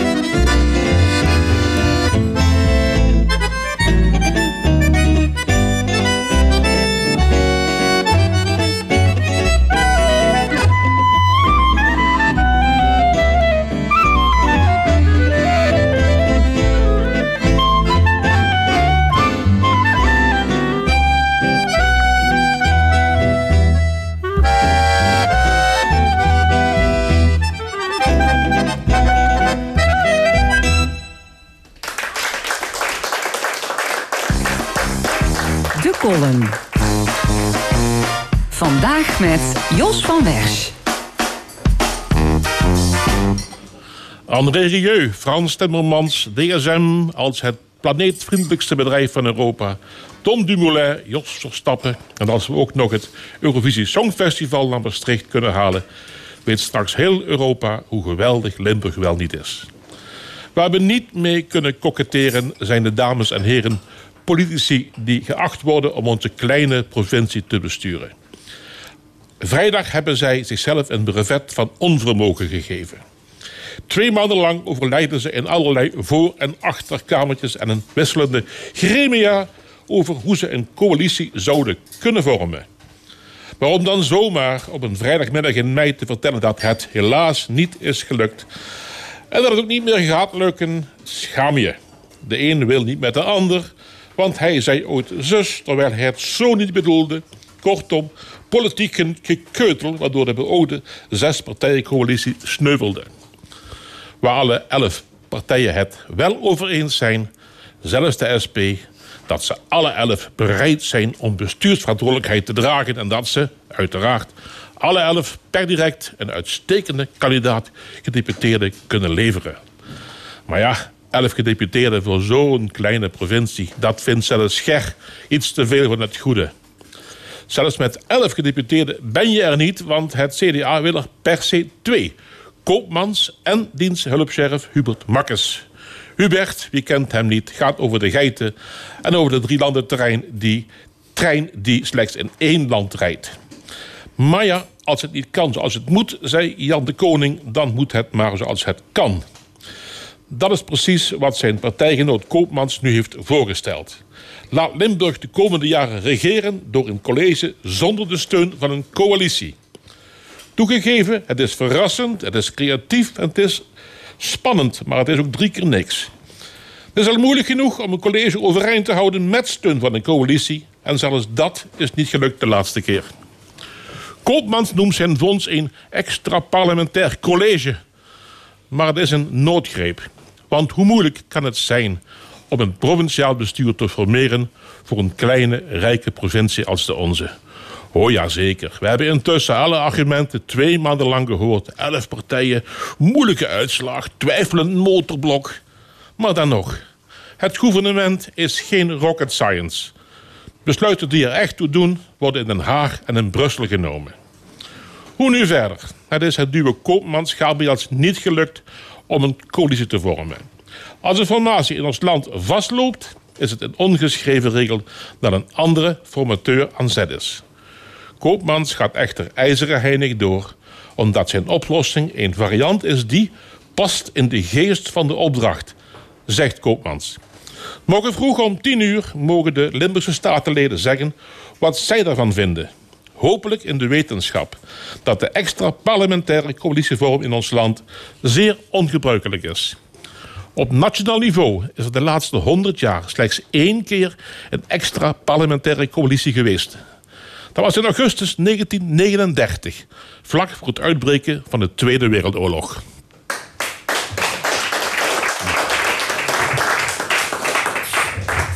Dat was de column van Jos van Wersch. En uh, Jos die schuift ook aan hier aan deze tafel voor het uh, opiniepanel van deze week.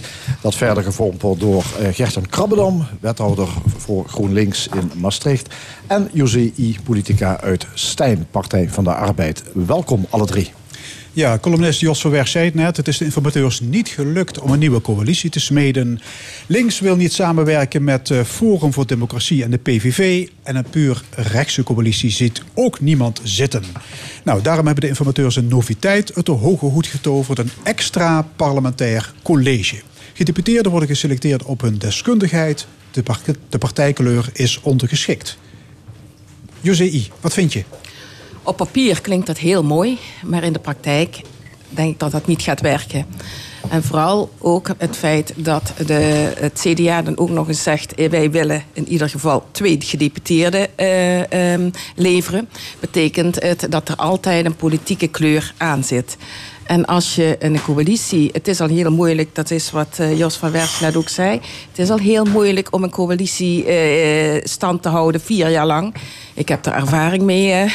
maar afgelopen periode in de, ge- eh, in de Staten ook is de coalitie ook gevallen. En, ehm, maar om dan nog eens als gedeputeerde zonder steun van een coalitie te gaan opereren... ja, dat is bijna niet te doen. Gert-Jan Krabbedam, GroenLinks. Ja, ik ben het daar helemaal mee eens. Eh, het is zo'n danig eh, versplinterd eh, landschap in de politiek in Limburg. Overigens niet alleen in de provinciale staten, maar dat ook in heel veel gemeenteraden. Dat het eigenlijk alleen maar eh, eh, mogelijk is om goed met elkaar eh, te regeren. Als je ook voldoende vertrouwen in elkaar kunt hebben. Dat je de afspraken met, die je met elkaar maakt goed nakomt.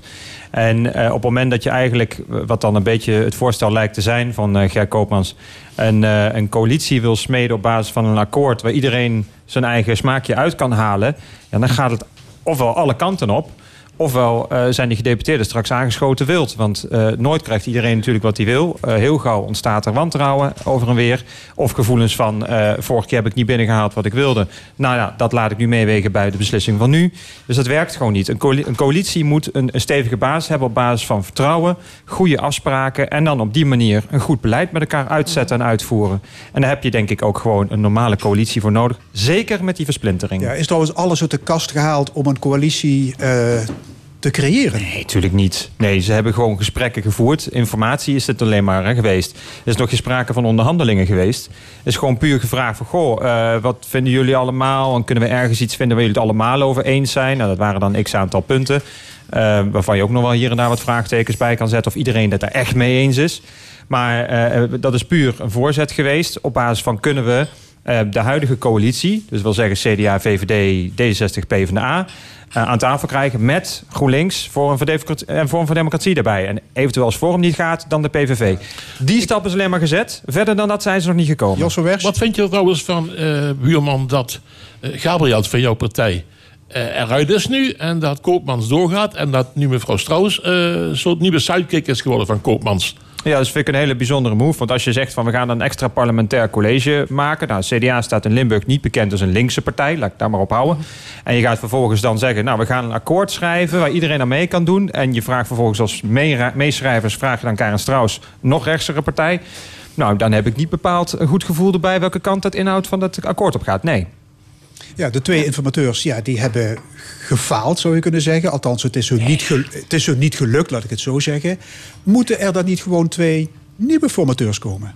Jos, jij zei dat volgens mij ook in je column. Ja, lijkt, lijkt mij wel, hè. Bedoel, Als de ene die lukt, komt, komt er een ander voor de plaats. Misschien is deze complexe formatie ook wel een maatje te groot voor Koopmans. Dat kan allemaal zomaar. Dat denken wij niet. Dat gaat is natuurlijk geweldig. Maar het zou zomaar kunnen. Dat is nogal wat. Dus daar moeten we ook eens over, over, over nadenken. Iemand van buiten? Een, een big shot? Ja, big shot. In ieder geval is die vers van de pers. Want Ger heeft natuurlijk nou twee maanden lang ook zijn verhaal gehouden. Hij blijft zitten. Nu komt er Karin Strauss bij, waarvan ik denk dat hij ook wel heel graag wil worden gedeputeerde. Naast Van de Akker. Dus hebben we nog een probleem erbij. Eerder in plaats van misschien. Ja, eh, Ja, nou, werk het maar lekker samen uit. Ik, ik, ik, ik ben niet van Of de dat club. ze samen vier eh, gaan eh, heb, ik al leveren. vier, heb ik al vier, vier Ja. plaatsen bezet hè, van de zeven. Ja. Nou ja, goed. ehm, eh, ik heb hier niet heel veel vertrouwen, moet ik zeggen. Maar ik wil ook weer niet zeggen dat, dat ik vind dat eh, de, de beide informateurs tot dusver... Hè, dus uh, Gert Koopmans en Gabriels, dat zij gefaald hebben. Het is al simpel. Ze hebben een informatieronde uitgevoerd. Informatieronde is dat het woord zegt Ja, maar ze het al. Je komen gaat er niet- informeren. ze komen er niet uit. Nee, omdat Gert Koopmans wil een zo breed mogelijke coalitie. Dat lukt hem niet. Maar dat wil niet zeggen dat hij daarom gefaald heeft in zijn opdracht. Dat vind ik daar weer een heel andere uiterste. Eh, uiteindelijk moet je nu gewoon een conclusie trekken op basis van die informatie. En de de stap is dat je een coalitie maakt die gebaseerd is op een meerderheid in provinciale staten. Ja, nou, dat ja. toch aan zich niet zo moeilijk. En in principe er, heeft- zijn toch, als je gaat tellen, combinaties te maken. Zeker, en de bestaande coalitie met GroenLinks aangevuld heeft ook een meerderheid. Dus dat is prima, een democratische waarom- waarom meerderheid. kan dat er Alleen net iets te klein. 24 tegen 23 zetels is natuurlijk een, is een beperkte meerderheid. Als een keer iemand ziek is, heb je al een probleem. Ehm, dus dan moet je dat aanvullen. En dat kan ook, is het verleden ook gebeurd. 50PLUS heeft de afgelopen acht jaar gewoon gedoogsteun geleverd. En dat zou nu ook weer kunnen. Dus ik snap niet waarom dat niet onderzocht En, wordt. en zeg Jos, misschien moet je iemand van buiten halen om dat proces goed te kunnen Ja, krijgt er, krijgt er een fris tegen aan. Hè. Laat eens even een ander geluid horen. Eh, dat scheelt wel eens een hoop. Als je met een, een, een vreemdeling praat. Dat Ja, is wel eens ja, heel veel Het gaat eraan voorbij dat Koopmans natuurlijk graag zelf de touwtjes in handen houdt. Want als hij Nee. daadwerkelijk een extra parlementair college had gewild... dan had hij zelfs voorgesteld om überhaupt geen zittende politici te nemen als bestuurders. Dat doet hij dan weer niet. En hij claimt er meteen twee voor het CDA. Dus hij wil gewoon alle macht. En er wordt nu mooie sier gemaakt met de, met de term politieke vernieuwing. Hè? Mhm. Weliswaar uit nood geboren, maar dit is politieke vernieuwing. Ja, ja, goed, het kan wel politieke vernieuwing zijn, maar in de praktijk moet het wel werken. En je wilt toch wel vier jaar eh, eh, verder en niet iedere keer weer eh, zijn, moeten zoeken van, om een meerderheid te vinden. Plus het feit, ja, je kunt je wel voornemen om zo'n breed mogelijke coalitie te vormen. En dan zeggen van, goh, de winnende partijen die moeten meedoen. Maar op het, op het moment dat je dan de gesprekken hebt gevoerd, moet je echt concluderen wat Gert-Jan zegt. Van ja, dat gaat niet lukken. Is in zoveel provincies niet gelukt. Daar was ook de grootste winnaar, doet niet mee in de provincie. Ja, die hebben de conclusie getrokken en zijn verder gegaan. Verleden week was in Flevoland dit ook in de hand, ook misgelopen. Hebben ze nu twee verse informateurs ingevlogen. Die gaan nu beginnen, begrijp ik, deze week. Om te kijken, kijk of jullie iets ervan kunnen bakken. Dus ja, dat, maar kijk, eh, uiteindelijk, je kunt informatierondes houden tot je een ons weegt natuurlijk. Je ziet hoe het veld eruit ziet. Je weet hoe de partijen verdeeld zijn. Je weet dat een combinatie van enerzijds het ene uiterste PVV of Forum... met anderzijds het andere uiterste GroenLinks, PvdA, D66 is gewoon niet te verenigen met elkaar. Die conclusie moet je nu trekken. Dat is de uitkomst van de informatie. Dan zet je de volgende stap. Hoe ga je een stabiele coalitie maken? En dan is het kiezen. Of dan ga je inderdaad met Forum en PVV. Nou, zou ik eh, niet per se willen, maar eh, veel succes. Of je gaat gewoon over een, een stabiele coalitie met eh, GroenLinks, PvdA en D66. Dat is de keuze die nu eigenlijk voor ligt. En die stap moeten ze gaan zetten. Al het meer gedonder en, ge- en gezeur over een extra parlementaire eh, college... dat zorgt alleen maar voor nadere vertraging. Ondertussen blijven een heleboel in Limburg blijven liggen. De gemeenten wachten op de provincie voor allerlei zaken. Bijvoorbeeld voor de energietransitie. We hebben de provincie hard nodig. Dus eh, kom op met de geit. Eh, onderhandelen. Het CDA kan eigenlijk twee kanten op. Hè? Ze kan over links, ze kunnen over rechts. Dus er zijn twee mogelijkheden. Waarom besluiten ze dan dat geen enkele van die twee dat mogelijkheden Koopmans gewoon kan? moet kiezen. En dat durft hij niet. ki- Kiezen is moeilijk, eh, dat is ook bekend. Maar als je kunt kiezen en hij kan kiezen, dan kies dan. Hey, als je niet kunt kiezen, is niks te verdienen. Kan Want hij dit- niet of durft hij niet te kiezen? Ah ja, hij kan het. Hij kan kiezen en hij durft niet te kiezen. Want hij krijgt natuurlijk gelijk de PVV en het Forum in zijn nek. Als hij voor die kant gaat. Dat lijkt niet meer En zo. andersom net zo goed. Ja, nee, andersom maar net zo goed. Dat combinatie van CDA, Forum, PVV en VVD. Dat is toch een hele vette meerderheid? een geweldige meerderheid. Nou, Ja. Alleen heb je een PVV die al heeft laten zien dat ze besturen, dat dat een beetje ingewikkeld voor ze is. En de Forum voor Democratie dat een soort van eh, nieuwe LPF is, waarvan je geen idee hebt wat die mensen kunnen, wat ze doen, of welke politieke ervaring die ze hebben. Nou, Nou, nou. nul.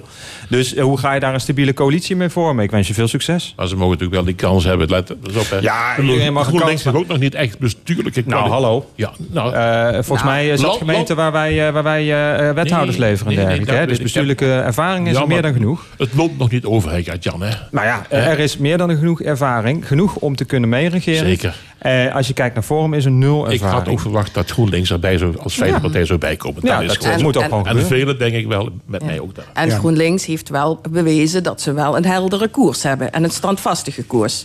En dat heeft Forum niet. Forum heeft nu niet eens een verkiezingsprogramma. Je weet niet eens wat ze vinden. Ze hebben twee punten. Iets tegen klimaathysterie, iets tegen buitenlanders. En voor de rest weten ze nog niet wat ze vinden. Ja, we worden een En beetje is- ingewikkeld onderhandelen dan. En hè? dat is niet verenigbaar met het PvdA en GroenLinks. Helder. Goed, morgen, maandag, zullen provinciale staten zich buigen over, die coalitieloze, over dat coalitieloze bestuur. Ja, jarenlang heeft een bedrijf op Gemmelot in Geleen grote hoeveelheden lachgas uitgestoten. Dat is een broeikasgas, net als CO2.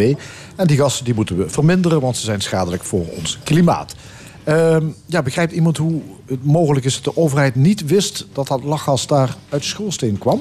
Ja, dat is niet gemeten, hè? Blijkt. Het is gewoon niet gemeten. Iets wat je niet meet, kun je niet weten. Ja, maar is het niet vreemd Dat dat, dat dat niet gemeten Ja, wordt? Toen, toen ze eh, erachter kwamen dat er gemeten moest worden... Toen is het ook doorgegeven, eh, de, cijfers, dat dat 265 maal eh, CO2-uitstoot eh, is ongeveer, lachgas. Maar toen zei de provincie Limburg, daar gaan wij niet over, dat moet de landelijke overheid weer doen. Nee, zei de landelijke overheid, of een van de, een van de organisaties, nee, dat moet de provincie Limburg zelf doen. Oeh, oeh. En zo is het jarenlang de laatste vijf jaar doorgegaan. Met het gevolg dat er is dus niets gebeurd. En nu zegt Gemmelot, het is op te lossen, eh, maar dat kost 100 miljoen. Eh, en dan kijken ze dan weer richting gouvernement. Zo van, wat, wat lappen jullie dan bij? Zover zijn we nu. Dus we zijn helemaal nog aan het begin van de oplossing. Ja, José, hier dus eigenlijk eh, in jouw achtertuin, hè? Stijn, Gemmelot ligt daar om de hoek. Wat, wat denk je als je dat hoort, dat dat, dat uit de schoorsteen komt? En, Ja, dan denk je van hoe is het. dat mogelijk? Eh, eh, ja, het heeft gelegen aan het feit dat niemand wist wie het bevoegd gezag was om te meten. Of, of, om te meten want de provincie dacht dat dat niet bij hun lag, maar blijkbaar ligt het wel bij hun. Eh, het komt wel vaker voor dat de, dat de provincie denkt dat zij niet het bevoegd gezag zijn. En eh, dat anderen het zijn. En daardoor eh, mis je de boot. Aan de andere kant, het is een bedrijf eh, op Gemmelot. En Gemmelot weet dat die fabriek, hè, dat die grondstof, acrylnitraat, nitriet produceert voor, voor plastic.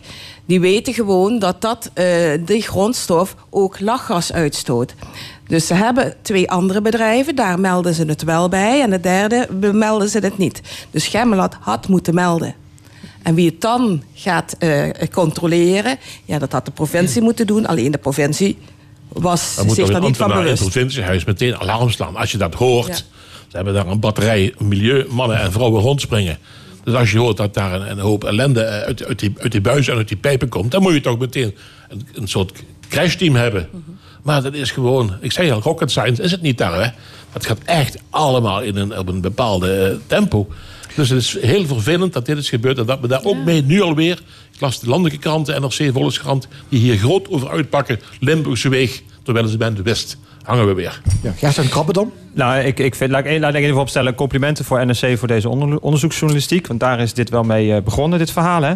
Ehm, ik denk dat het grote probleem is dat er nooit een grens is gesteld aan de uitstoot van lachgas. Waardoor het een soort van ziekenhuisbal is geworden. Wie is nou eigenlijk verantwoordelijk? Wie moet er wat van vinden? Want het is uiteindelijk Europese regelgeving die bepaalt dat je dat eh, moet melden, moet meten. Eh, en ja, kennelijk niemand heeft de besef erdoor gehad eh, dat dat dan moest. En dat je er iets mee moest. Misschien is de batterij aan milieuambtenaren bij de, bij de provincie wel te klein. Eh, maar eh, het ergste vind ik vooral dat Gemmelot de laatste jaren toch steeds meer, en, en goed hoor, een duurzaamheidsverhaal aanhoudt. Van wij willen het meest duurzame industrieterrein van Nederland worden. En dan vervolgens eh, dat de krant dan dit aan de orde moet stellen. Dat vind ik dan bijzonder vreemd. En denk, ja, dan laat dat zien dat bedrijven, ondanks mooie woorden, gewoon regulering nodig hebben. En soms stevig en strikt en streng.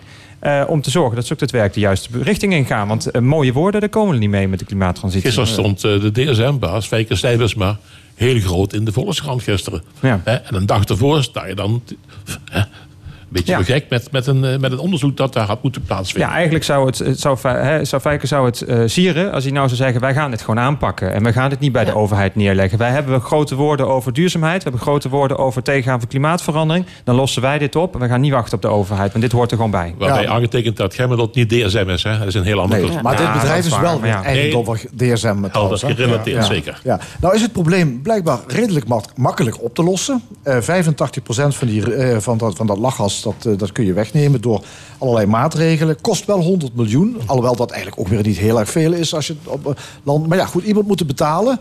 Eh, Jos, je had het er al over. Eh, Ja, mij, mij dunkt dat de vervuiler be- betaalt. Hebben we toch, moet ik ook thuis tegenwoordig heel veel. Steeds meer. Dus ja, mij dunkt dat die drie bedrijven... Je kunt minder betalen, hè? Minder vervuilen. Ja. Ook thuis. Dat thuis ook. Ja, maar Ja, en dat geldt hebben- natuurlijk voor Gemmelot ook. Voorlopig hebben wij alles omhoog. Hè? Ook Ja. de, de, de afvalbakken, RD4, alles gaat omhoog. En ik, ik doe mijn best, Ja. maar ik betaal elke maand meer. Dus even dat even Het terzijde. bedrijf moet betalen. Iemand die er anders over denkt? Nee, de vervuiler betaalt. Dat, is, eh, dat moet het uitgangspunt zijn. Ja, maar blijkbaar zijn die bedrijven dan niet helemaal van overtuigd. Die kijken toch inderdaad met een schuin oog. Zij maken ook winst. Ja. Waarom zouden ze dan ook niet hun, eh, hun afval betalen? Maar er moet er wel een heldere, harde wetgeving zijn... dat die uitstoot er niet meer mag zijn langer. Dus je moet met de, overheid, de provincie... waarschijnlijk nationaal moet zeggen... beste, beste Gemmelotters... dit is tot die tijd nog getolereerd, maar daarna niet meer. En dat maar, betaal het maar. Waarom moeten wij hier aan tafel of wij in de zaal hier... dat gaan betalen nou? Wij maken die uitstoot niet. Dat hebben zij veroorzaakt en nog steeds. En bovendien, ze hebben het lang genoeg ongestraft, eh, ongelimiteerd kunnen doen. Dus eh, nou, volgens mij hebben ze daar voldoende investeringsgeld men kunnen binnenhalen. om dat voor. Dus als het nou armlastig was, ook tot daar aan toe. Maar dat valt best nog mee. Oké, we gaan naar onze Frans Timmermans, de held, zeg maar het lachgas van de Partij van de Arbeid.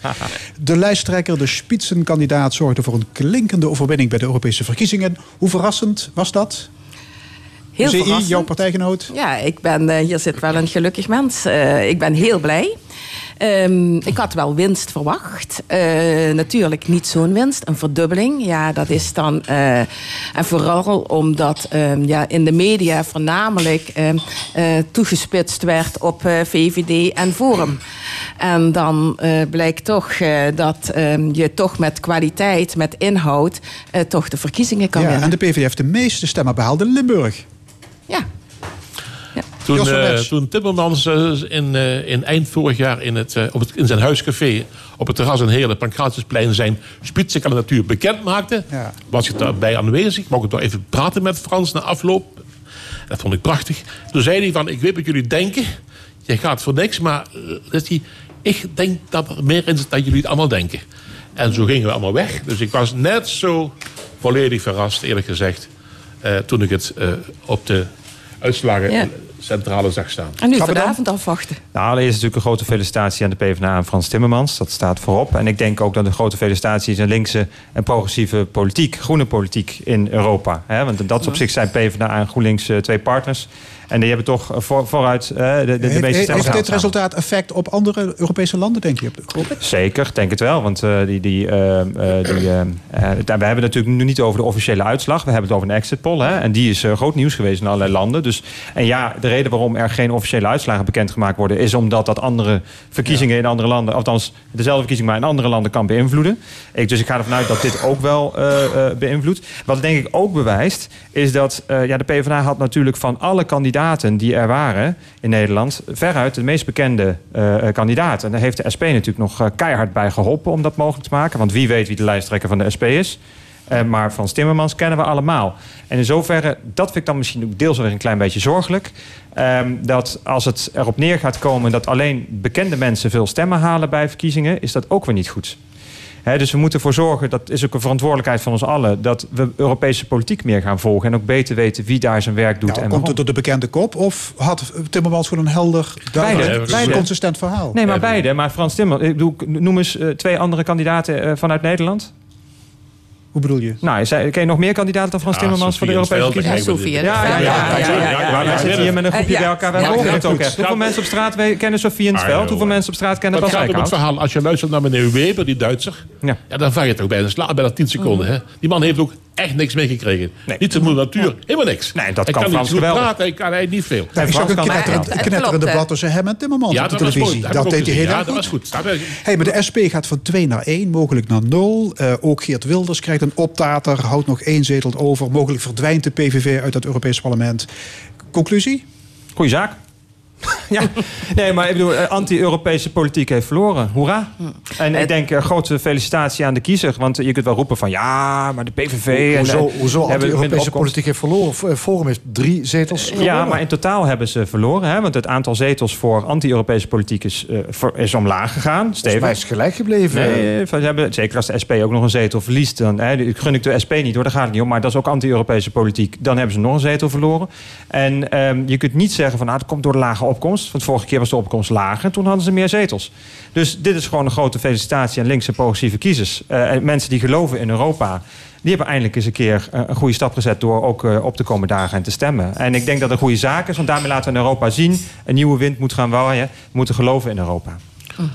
Ja, eh, nog even hard nieuws eh, van het eh, Eurovisie Songfestival eh, front.